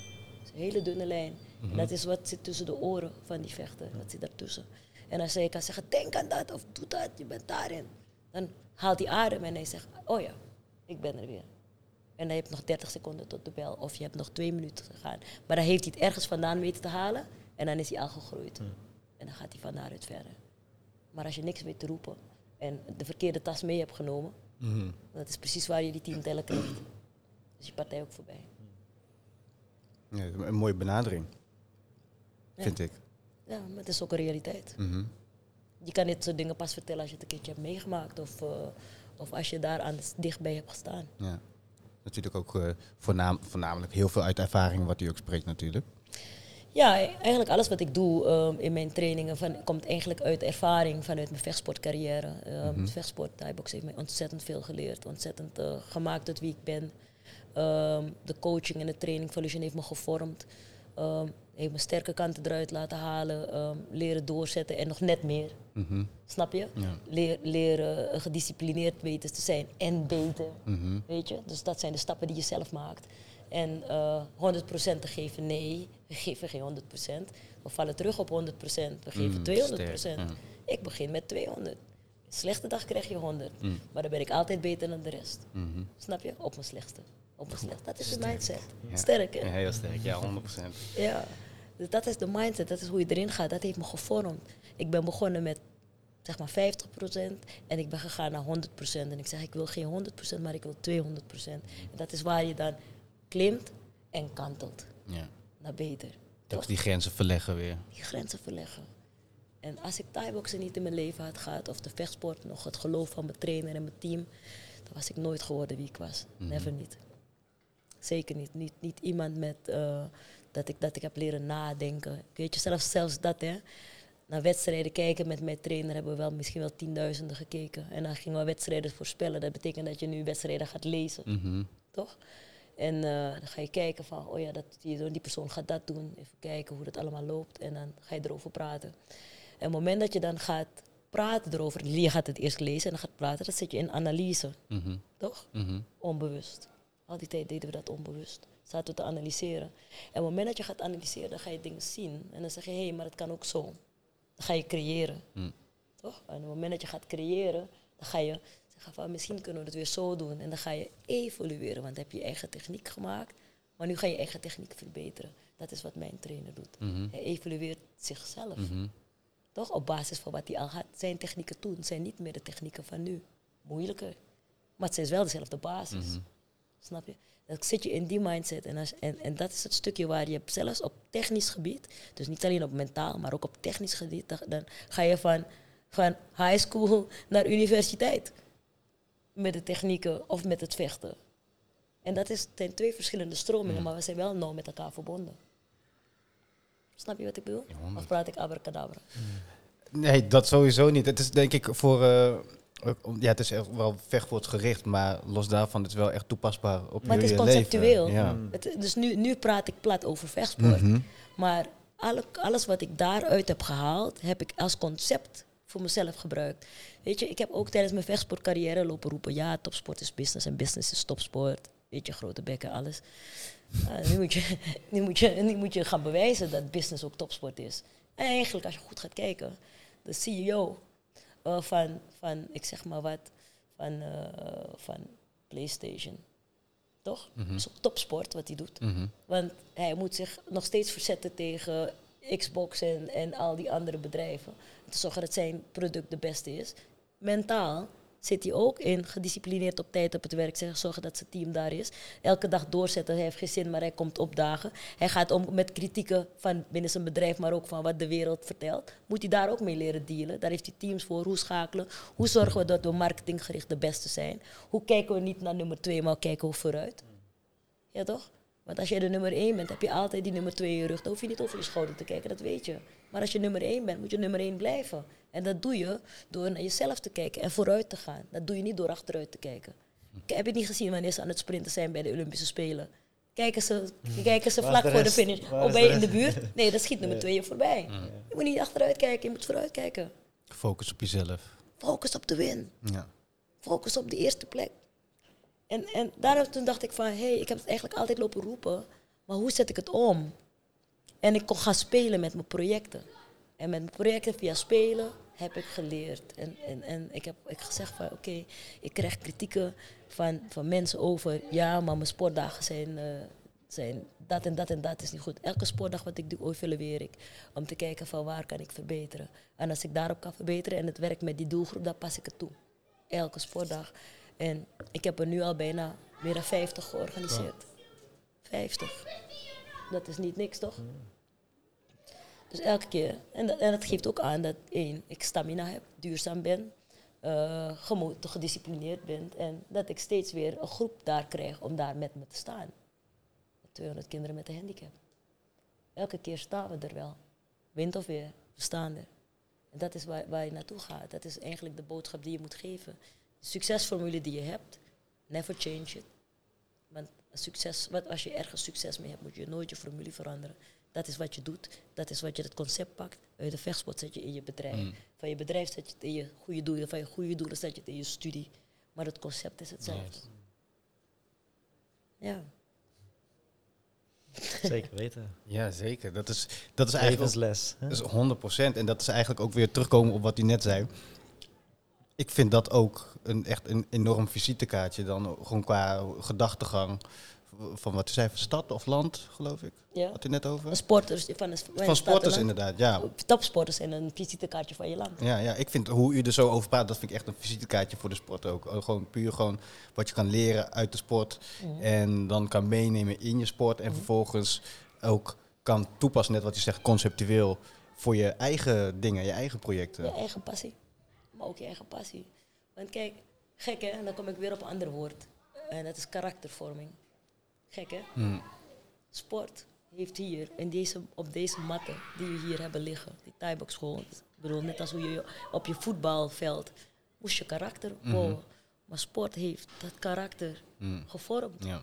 Wie je bent, waar je voor staat. Hoe star- sterk sta je je schoenen. Hoe snel ben je. Toch? Mhm. karaktervorming. Sport doet veel meer. Het is alleen nog ondergewaardeerd.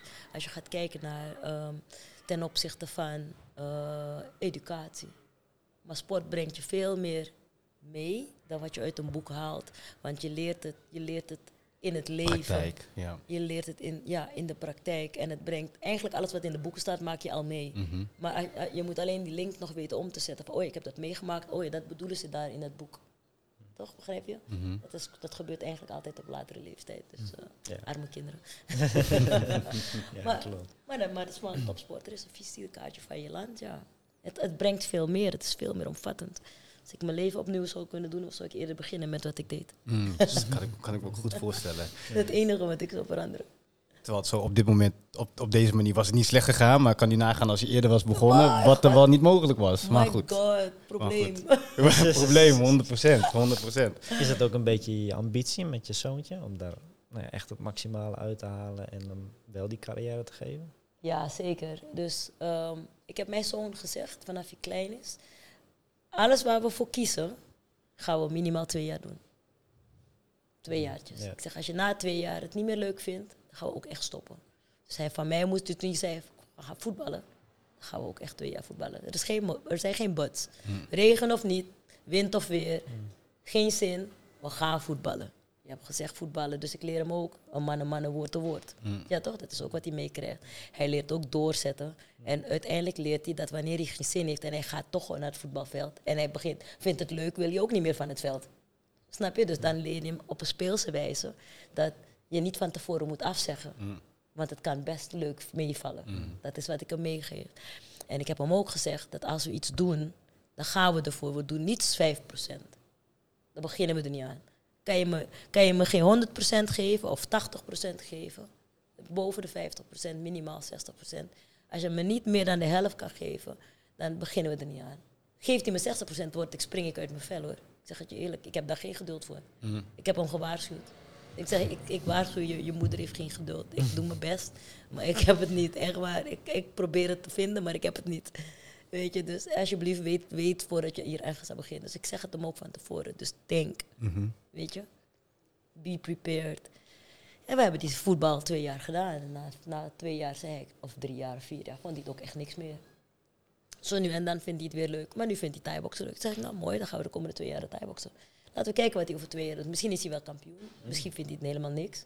Hopelijk vindt hij het wat. Maar we gaan wel het maximale eruit halen. Want ik heb gezegd, je, je ziet het. Het kan. Je kan kampioen worden.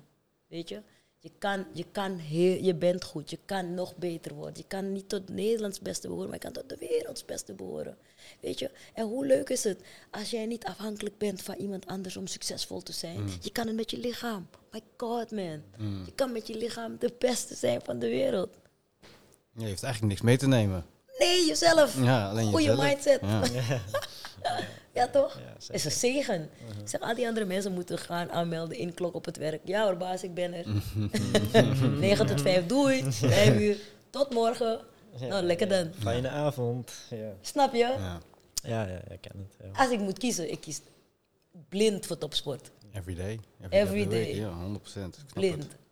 Want je, ja, dat, dat is, dat is, daar komt gewoon zoveel ja, genot en plezier bij, bij, bij, bij steeds beter worden.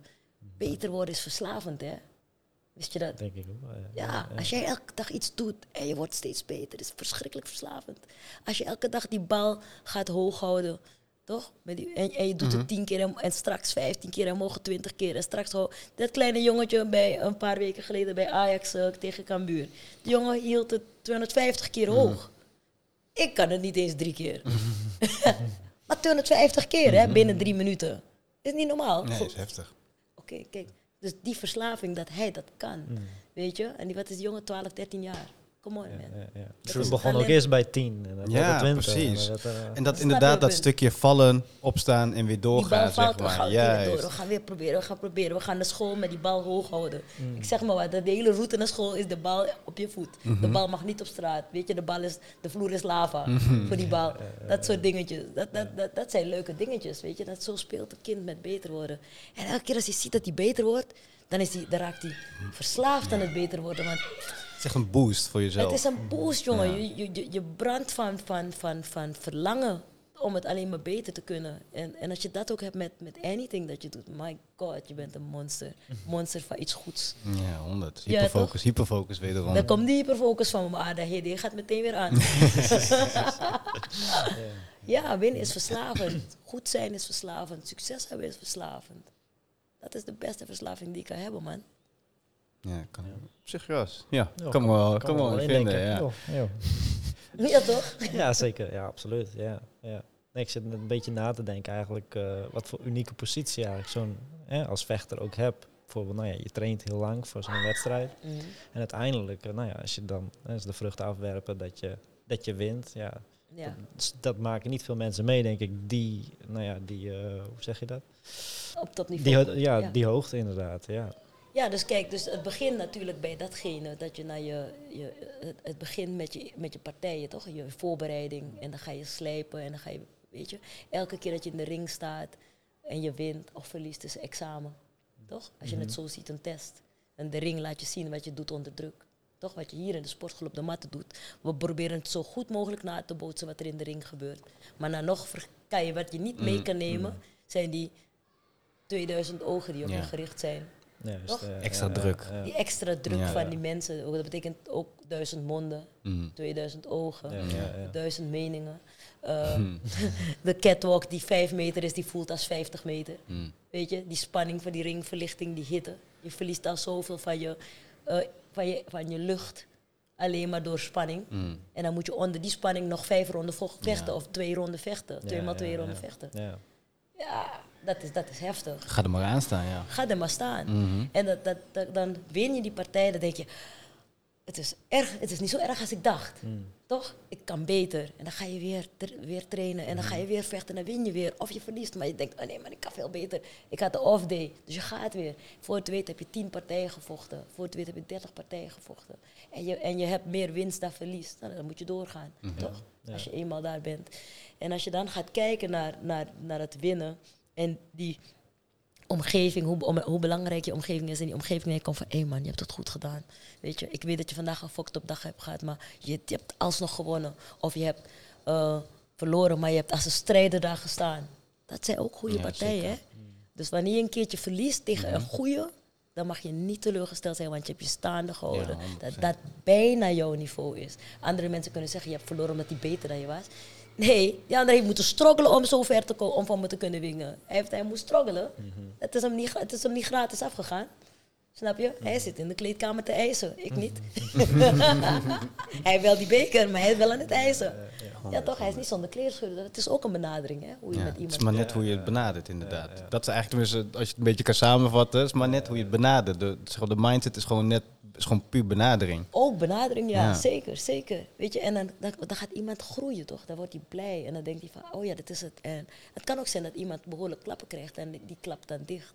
Weet je, en als hij dan dichtklapt, ja, dan, dan gaan we werken aan wat hij goed kan. Zodat hij datgene wat hij goed kan, gaat hij dan in de. Dat is gewoon specifiek die opdracht. Ja. Weet je, specifiek die opdracht op het voetbalveld. Je gaat niet dat doen, maar je gaat dat doen. Mhm. Weet je, Maatwerk. maatwerk. Daar komt maatwerk in. Mhm. Extra maatwerk. ja, ja, zeker. Ik was nog wel benieuwd over dat stukje visitekaartje van, ehm, van de stad of van het land. Eh, de, tenminste, ik weet niet alle, maar veel entrances die je hebt ge- eh, gedaan Mhm. bij partijen, was je ook gekleed in traditionele kleding? Indiaanse kleding, Indiaanse als een krijger. Is dat iets van Surinaamse roots of hoe moet ik dat zien? Is dat... Ja, dat kwam later eigenlijk eruit hoor. Ik kwam in het begin tot mijn eh, eerste wereldtitel of tweede wereldtitel, ik weet het niet meer. Eh, Na zeven weet je het even. Ja. niet. Zoveel gehad. eh, ja, ja. nee, nou, het was in ieder geval voor mijn derde wereldtitel, denk ik. Kwam ik op met klassieke muziek. Van, Mm. eh, met, met, met Ferdi, dan kwam ik van, eh, met, een, met een zwarte jas en dan kwam ik als de queen binnen. Mm. Weet je, in de zaal. en klassieke muziek, dat was wel grappig. Maar toen dacht ik, nee man, ik moet veranderen. Ik, eh, ik ben ook Ingi, ik ben ook Indiaan, weet je wel. En we gaan terug naar de roots, we gaan terug naar wie we zijn. Weet je, eh, we hebben altijd in de Bijlmer gezeten. En ja, de Bijlmer heeft altijd een bepaalde reputatie gehad. dacht ik, oké, fuck dat. We gaan laten zien dat we echt de shit zijn. Weet je? Dus, eh, sorry dat ik het even zo zeg. nee, geen probleem. Geen probleem. maar dat is hoe wij dan denken, weet je. En dan denken we van, god, eh, wat, wie waren de krijgers? Ja, vroeger waren het de Indianen, toch? Maar dan ga je een beetje verdiepen in de geschiedenis, toch? de algemene geschiedenis. En ik heb ook Indiaans bloed, weet je. En dan ik van, ja, die Indianen waren de eerste krijgers die we hadden. Ja. Ja, toch? Maakt niet uit was het waar, of het nou in Amerika was, of in Suriname, of wherever. Waar, waar zij vroeger gingen, waren de Indianen de eerste krijgers. En toen dacht ik, oh, kreeg ik van een, eh, een oude Indiaanse oma, had ze dat ding met de hand voor mij gemaakt. Mm. En toen dacht ik, krijg ik een tooi. Als ik ga, dan moet ik als echte, als de, als de general gaan. De voor, degene die voorloopt en die je oorlogsplan gaat uitvolgen. Want wanneer we naar de ring gaan, hebben we strategie en hebben we oorlog. Ja. En, en zo gingen we, dus zijn we dus gekomen met de Indiaanse muziek en eh, met de krijgen, als een krijger. Ja, dat was wel stoer. Daar zat ook een gedachte Ik wou achter. net zeggen, er zit ook een hele gedachte dus achter. Ja, Ja, we zijn wel echt gegaan. Weet Bij klassieke muziek was het van, we komen als de queen op met klassieke muziek en Mhm. geschoold vechten. ja, ja, ja. Ja, toch decadent, echt. Mhm. we, gaan, we gaan niet vechten, we Ja. gaan fysiek schaken. Ja, ja. kom even een masterclass geven hier. ook. Ja, dat, dat dat was de In stijl. alle rust. In alle rust en vrede werd er fysiek. Ja. En toen later werd het de krijgers. En toen dachten we, er zit de gedachte gaan. Hmm. We, zijn, we, zijn, we gaan onze ancestors aan, gaan aanpoweren. We gaan naar de indianen vechten voor onze, voor ons vijf bij vijf meter. Mhm. Toch, de ring. Mhm. Dat is mijn territorium, dat is de warzone. Dus dat werd ook zo benaderd. En, en dat was ook dus de gedachte dat mijn tooi daarom ook groot moest zijn. En dat ik met de speer kwam. Weet je, eerst die Thais gaan kijken naar die ramooi van die Thais. Dan doen ze ook zo'n Ja. rituele dans. En dan schieten ze een pijl op hun tegenstander eerst mis. En later raak. Als je gaat kijken naar die ramooi, nou, het is een beetje dezelfde trend. Maar dan mijn eigen stijl. Mm. Ook maar wederom met gedachten erachter. Dus. Met de gedachte, ja, nee, we gaan niet los. Nee, nee, nee, nee, nee. We gaan gevuld. En heeft de, de, want je bent geboren in Suriname, je doet nu heel veel dingen ook in Suriname al- altijd gedaan, zeg maar. Heeft dat ook een bel- belangrijke rol gespeeld voor je, je Surinaamse achtergrond? Want ik heb bijvoorbeeld ehm, ook nog een stukje gezien dat was je volgens mij in Suriname te gast op een, bij een televisiestation. Mhm. En toen vroeg die vrouw eh, aan je, want je, was, je kwam dan voor Nederland uit, zeg maar. Maar volgens mij had je daar niet Ja. zelf voor gekozen, zeg maar. Maar dat was een beetje, tenminste zo leek het een beetje een, ja. dingetje Ja. te worden, zeg maar. Kan je me daar iets over toelichten? Of er dan dat veel invloed op je, tenminste veel ja, invloed op je leven heeft gehad, de Surinaamse achtergrond. En dan dat stukje bijvoorbeeld voor Nederland uitkomen dan, tussen aanhalingstekens. Nou, eerlijk gezegd niet direct, hè. Want ehm, ik ben inderdaad in Suriname geboren, maar ik ben getogen hier in Amsterdam. En eh, ik heb eigenlijk vanaf de lagere school hier eigenlijk alles meegekregen tot, eh, tot, na, tot, god, tot nu, Ja. bij wijze van spreken. En ehm, toen ik vocht, eh, had ik ook mijn Nederlandse sponsors. We zijn hier natuurlijk opgegroeid Ja. in Bijlmer en alles. Maar ik werd echt ge- ge- gesupport door echt iedereen. Ook door de Surinaamse gemeenschap. Toen later inderdaad, toen die vraag me een keertje gesteld werd. En iedereen zei van, ja maar je bent echt een Surinamer. Dit en dat, we zijn trots op je. Toen dacht ik, hé, dan moet ik ook met die Surinaamse vlag Mhm. opkomen. En toen ben ik met beide vlaggen omgekomen. Want mijn sponsors waren ook Nederlanders. Maar ik ben ook Surinamer. Ja, en, de promotors deden niet moeilijk of ik nou met de Nederlandse vlag of een Surinaamse vlag ging wapperen. Toen dacht ik, hé, weet je wat, ik wapper met beide. Ja, Als het met beide kan, dan wapperen we gewoon met beide natuurlijk. hebben we ook gedaan. Ja, ja, dat hebben we ook gedaan. Dus eh, het heeft me later, heeft het me wel eh, bewuster gemaakt natuurlijk. Over, over eh, afkomst en dergelijke. En natuurlijk Suriname. Suriname zit me aan het hart. Ik ben ook Surinaams. eh, ik heb ik, eh, Surinaamse roots en alles. Maar inderdaad, eh, pas later kwam het eigenlijk dat het heel belangrijk was waar die vlag vandaan kwam. Maar toen de tijd helemaal niet. Pas in, ik denk pas in 2009 werd het pas een, een dingetje. Oh, dat is best recent nog eigenlijk, dat is helemaal Ja. niet lang geleden. Nee, nee, nee. Alleen bij de K1, eh, toen de tijd, toen K1 nog bestond. Toen was het interessant hoe ze met de vlaggen omgingen, weet je. Dan zag je de Japan tegen de wereld. Mhm. Toch? Dan zag je Japanse vechten tegen een Nederlander, of een Japan tegen een Marokkaan, of een Nederland tegen een Surinamer. Zoiets. Mhm. Toen maakten ze het, Japan is er eigenlijk mee begonnen. Toen werd het evenement een beetje internationaal. Ja. Toch? Dus dan kreeg het een internationaal karakter. Kroaat tegen een Japanner. Mhm. Zeg maar wat. Dat werd het dan. Weet je? En, en dat is een beetje overgewaaid na een tijdje, een beetje overgewaaid naar Nederland. En, en het kwam pas laat bij ons eigenlijk, op. Het was niet echt iets eh, dat je zegt, je moet bewust voor Suriname kiezen of je moet bewust voor Nederland kiezen. Nee, helemaal niet. Dat is des keuzes. Het is, hoe je, het is zo gelopen en eh, ja, zoals het is. En, het, in, en in principe is het ook niet, zo, tenminste, correct me if I'm wrong, hoor, maar in principe is het ook niet zozeer dat je soort van voor Nederland uitkomt, dat je ook een bewuste keuze hebt gemaakt voor Nederland, toch? Jawel, eh, kijk, in de eerste, tuurlijk wel. Tuurlijk is het een bewuste keuze, want in het begin van je carrière eh, waren die vlaggen niet direct aan de orde. Mm. En we wonen en we trainen in Nederland. En wanneer we tegen de rest van de wereld moeten vechten, is het Nederland tegen de wereld. Mhm. Ja, toch? Ja. Hoe je het ziet, zie je net als Nederlands voetbal. Toch? Mhm. Iedereen eh, heeft een andere vlag. Ze hebben allemaal een andere vlag in het team. Maar wanneer Nederland moet voetballen tegen Engeland, is het Nederland-Engeland. Toch? Maar wel met mensen van een andere afkomst. Mhm. Dat gold voor ons hetzelfde. We hebben er eigenlijk eerlijk gezegd niet echt bij stilgestaan. Omdat dat niet aan de orde was. Nee. Snap je? Dus was geen issue, was geen discussiepunt op dat moment. het was, ge- was vanzelfsprekend, want de promotor regelde het. Het was een Nederlandse vechter tegen een Engelse vechter. Klaar. Ja. Snap je?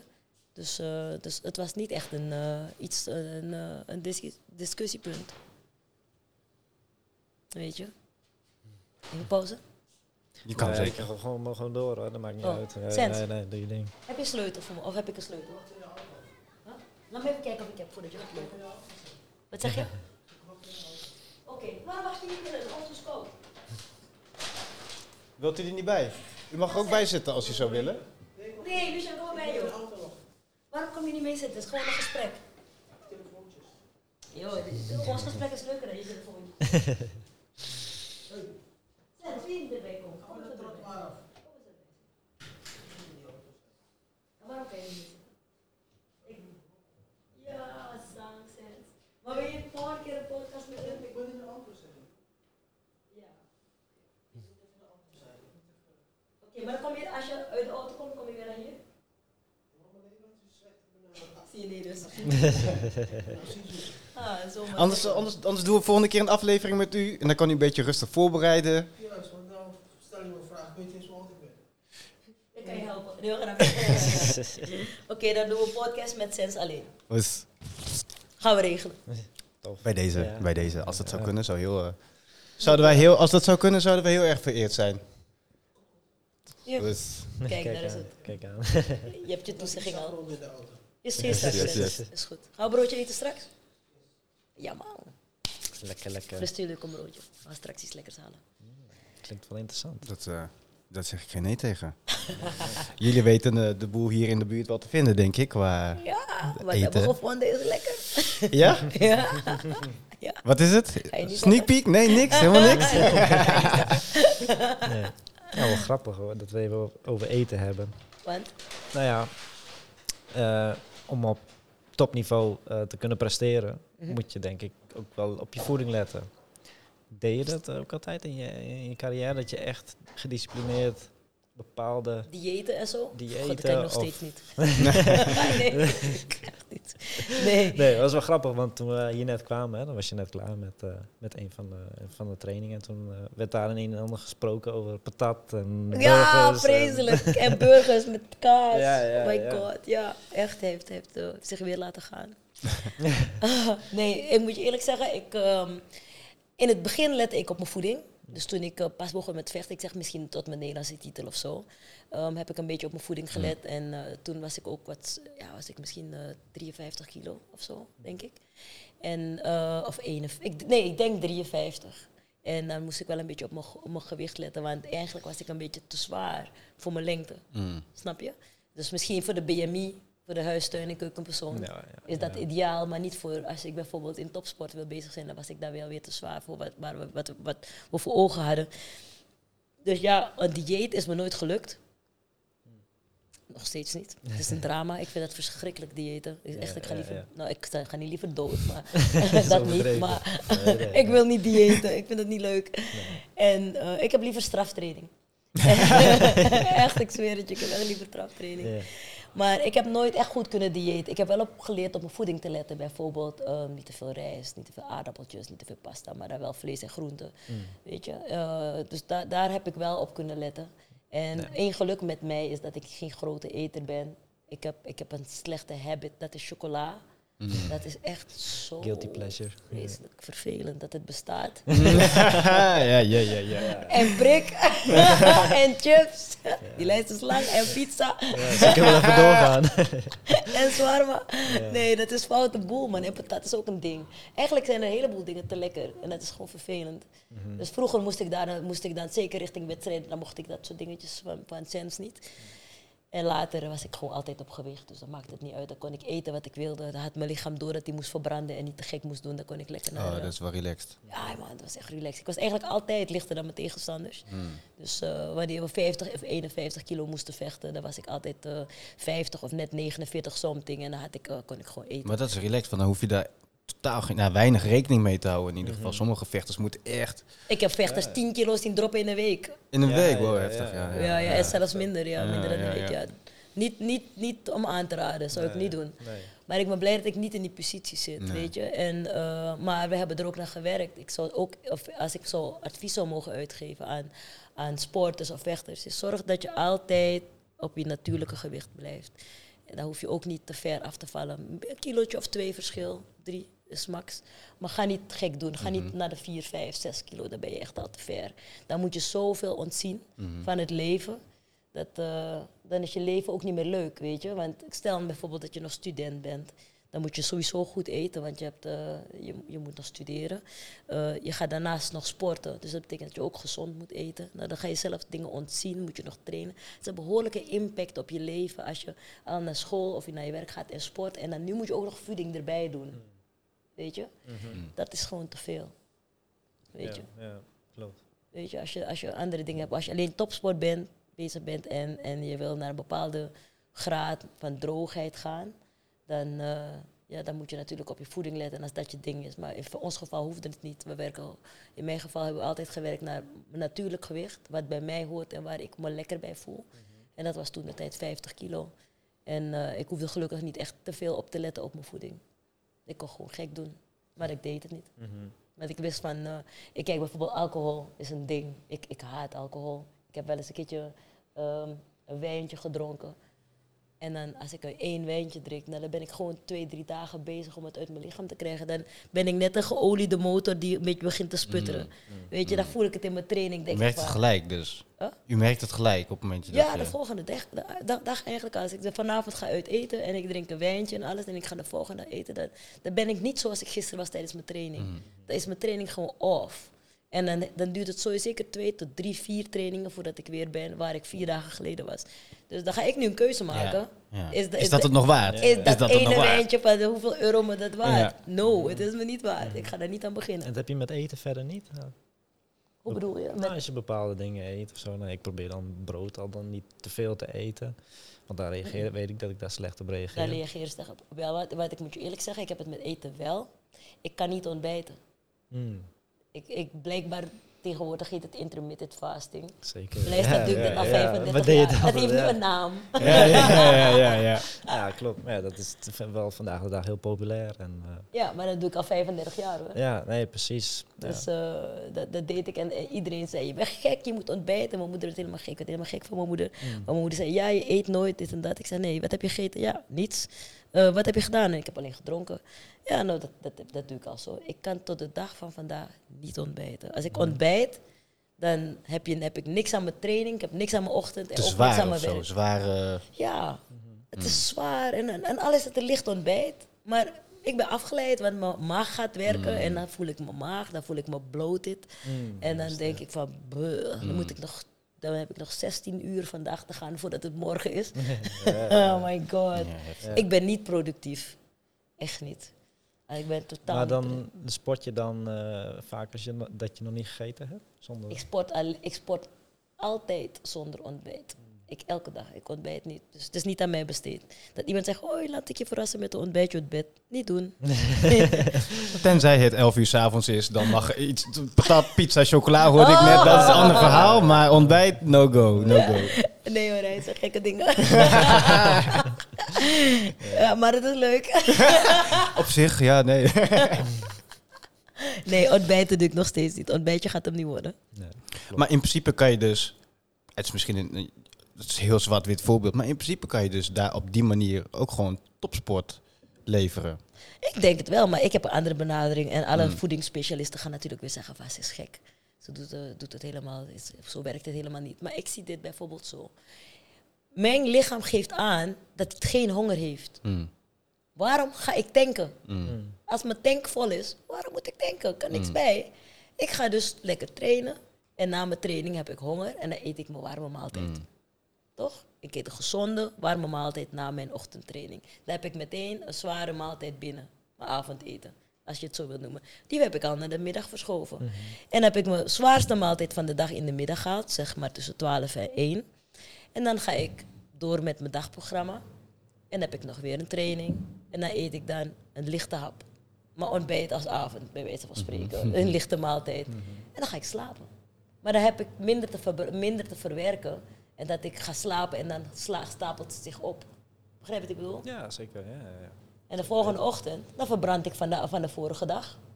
Ja. Maar dan ga ik Ja, toch niet ja, eerst zeker, tanken. ja, ja. Ik heb al getankt gisteravond. Ja, ja, Nee, maar het is, het is wel goed Zo hoe, zie ik het, hè? hoe u inderdaad dan luistert naar uzelf. Van oké, ja, weet je, ik heb nu geen honger, dus we hoeven nog niet te eten. En niet omdat het acht uur 's ochtends is dat we moeten eten, zeg maar. En Maar- sommige mensen houden zich echt aan die tijden. ja, precies, ja. Maatwerk. Pauzetijden. uh, again. Again. Yet, ja, yet ja. again. Ja, nee, nee. Ik heb, ik heb dat altijd gedaan. Ik heb wel altijd naar mijn lichaam geluisterd. Als ik honger heb, ga ik eten. Maar ik, ga, ik hoef me ook niet uit te hongeren om op dat punt te komen. Nee. Absoluut niet. Maar ik, ik heb wel bijvoorbeeld... eh, Ik heb het een paar keer gedaan. En af en toe krijg ik de kolder in mijn kop. Eh, dan ga ik ontbijt ik een keertje mee. Mm. Weet je? En dan heb ik altijd spijt. Mhm. En ik probeer het door de jaren heen. Ik denk dat als ik in de afgelopen 35 jaar misschien 10 keer heb ontbeten, dan was het echt veel. dan, ik doe het ook. En ik heb altijd spijt. Ik, ik haal dat steeds eruit. Ja. Dus dan ga ik ook niet meer ontbijten. Dus, eh, voor mij boek ik ook geen hotel met ontbijt hoor. Dus eh it's lost money. ja, verloren geld hoor, echt waar. Maar ehm, ik, ik verschuif mijn warme maaltijd na mijn training, na mijn eerste training. En dan van daaruit dan heb ik de dag nog om dat te verbranden. En dan heb ik een lichtere maaltijd om te verbranden de volgende dag. Dus dat is veel beter. Dat werkt voor mij het beste. ja, zeker. Ja, ja. En, eh, Ja, en tegenwoordig... eh, is het niet meer nodig. Vroeger vond, nee, men, nee, nee. vroeger vond men dat ontbijtje moet. You break the fasting, omdat je hebt geslapen. Ja, Hoe- ja, hoe ja. vaak, eigenlijk vroeger, hoe vaak is het nu dat je naast je bed een glaasje water hebt zitten? Ja toch? Eigenlijk heb je dan nooit gevast. Of zeg ik gekke dingen? Toch? Want breakfast betekent you break the fasting. Mhm. Toch? Want dat is het moment dat je gaat slapen, 11 uur s'avonds tot 7 uur in de ochtend. Dan zou je eigenlijk niets tot je moeten hebben genomen, want je hebt geslapen. Dan gaan ze uit van een 8 urige slaap. Mhm. Maar hoe vaak staan mensen op om te plassen? En een slokje water te nemen of een hapje uit de ijskast. ja, die ijskast is lastig.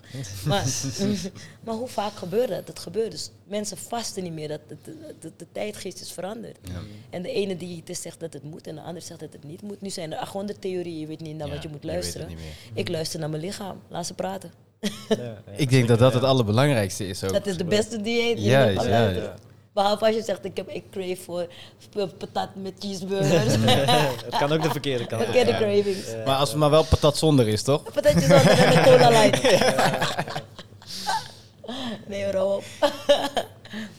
Ik denk dat het een hele mooie samenvatting is. Dat je gewoon naar jezelf moet luisteren. Dat je, tuurlijk, er zijn heel veel theorieën en eh, voor die werkt die het beste, voor die werkt die het beste. Maar uiteindelijk moet je kijken naar wat voor jou als individu het beste werkt. Zeker, dat is waar. Wat voor jou het beste is en het beste werkt. Luister naar je hart, volg je gevoel.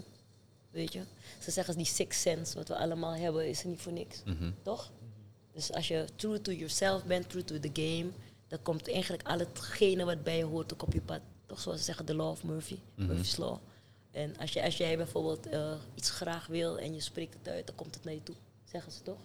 Ik vind van wel. Ik heb dat tot zover heb ik dat altijd ervaren. Zeg ik goede dingen. Ik heb een laatste hele mooie quote gevonden, jongen. Echt de oude quote van Bruce Lee. Toch? Ik ken het Mhm. niet helemaal, ik kan het een beetje, zo'n beetje, niet precies. Maar als je gaat googlen vind je hem wel. Waar hij zegt ehm, dat words, woorden hebben kracht. Words have power. Dus wees goed bedacht van wat je uitspreekt. Want daarom noemen ze het spelling. Dus wanneer je iets slechts zegt, then you cast a spell on yourself. Juist. Dus als jij iets zegt, zeg altijd iets positiefs over jezelf, dan krijg je ook altijd positief terug. Ja, ja, ja. Moet je maar even googlen. Het is een. Het is een Niet eh, alleen zeggen en ook denken. hè? Ja, ja maar, maar, maar zeggen begint bij denken, toch? Ja, ja, ja. Ja, toch? Dus, dus mooi voordat je het de universum ingooit, het universum ingooit en je spreekt het uit, dan heb je eigenlijk al een belofte aan jezelf uitgesproken. Filosofisch, no? Ja, Nee, heel filosofisch. Maar dat van Bruce Lee, ik vind dat het waar is. 100% ja, nee, dat is ook best wel eh, wat. Nou, ik weet niet of het de laatste tijd is, want zo oud ben ik nou ook alweer niet. Maar dat is wel iets wat heel veel nu naar voren komt. Maar dat manifesteren inderdaad, dat mensen daar best wel nu steeds meer bewuster van zijn. Van de dingen die ze denken, de dingen die, ze zeggen. Ehm, ja, wat voor invloed dat kan hebben op je realiteit. En dat is eigenlijk weer een mooie koppeling naar eh, ja, wat jij net zei. Bijvoorbeeld als andere mensen iets over je zeggen, het is maar net hoe je benader je het weer. Ja. En wat, doe, wat, wat doe je ermee? En wat doe je ermee? Exactly. Les, het is les 1 in volwassenheid, denk ik, no? En groei. Ja, helaas wel, inderdaad. Je moet ook vaak time. It ta- It takes time, inderdaad. Maar dat is een hele, een hele, hele wijze les. Ja. ja, dat is het zeker. Absoluut. Ja, dus eh, iedereen die heeft geluisterd, eh, doe er eh, je ding mee. en eh, leer van deze wijze woorden. Ah, dankjewel. 100%. Ik denk dat dat een mooie afsluiter is. Ik denk dat het de jij, perfecte, eh, nee, ik denk dat het de perfecte afsluiter is, tenzij, eh, tenzij je zelf nog wat hebt, Il- Ilonka, wat je graag met ons wil delen of met de wereld. Nee, ik denk dat, eh, dat het goed is. Mhm. En ik denk dat we veel hebben gedeeld. 100. Ja. En eh, ik denk dat er heel veel wijze dingen in de podcast naar buiten zijn komen. Met ons spelletje dat we Mhm. samen hebben kunnen spelen met z'n Mhm. drietjes. ja, Dus eh, ik denk Zeker. dat het goed is. Zeker. Heel leerzaam geweest. Absoluut. 100%. Wederom eh, enorm dankbaar dat we hier mochten zijn. Dat je Yes. in bent gegaan op onze uitnodiging. Ach Ja. Eh, Tijd voor ons gemaakt. Ja, dat is wederzijds joh. dat is echt wederzijds, dankjewel. ik, eh, ik wil je heel veel succes wensen. Natuurlijk ook met de partij van je zoon volgende, volgende week. Heel veel succes toegewenst. En eh, ja, ik hoop dat we hier snel weer mogen zijn. En eh, ik hoop dat je er ook bij bent met, eh, met Sensei dan, als we eentje mogen opleven, zou opnemen. mooi zijn. zou heel Ja, mooi ja, zijn. ja. Dan, eh, Oh, dan maak je het een joint. Ah, leuk. Wat je wilt. als, als, je, als je zou willen. Als hij ik- wil.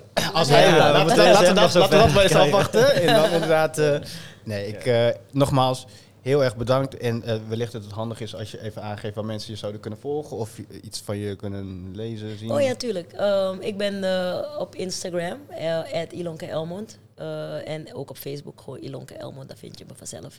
Eh, ik ben niet zo fanatiek, maar Mm. je gaat me Mm. wel vinden.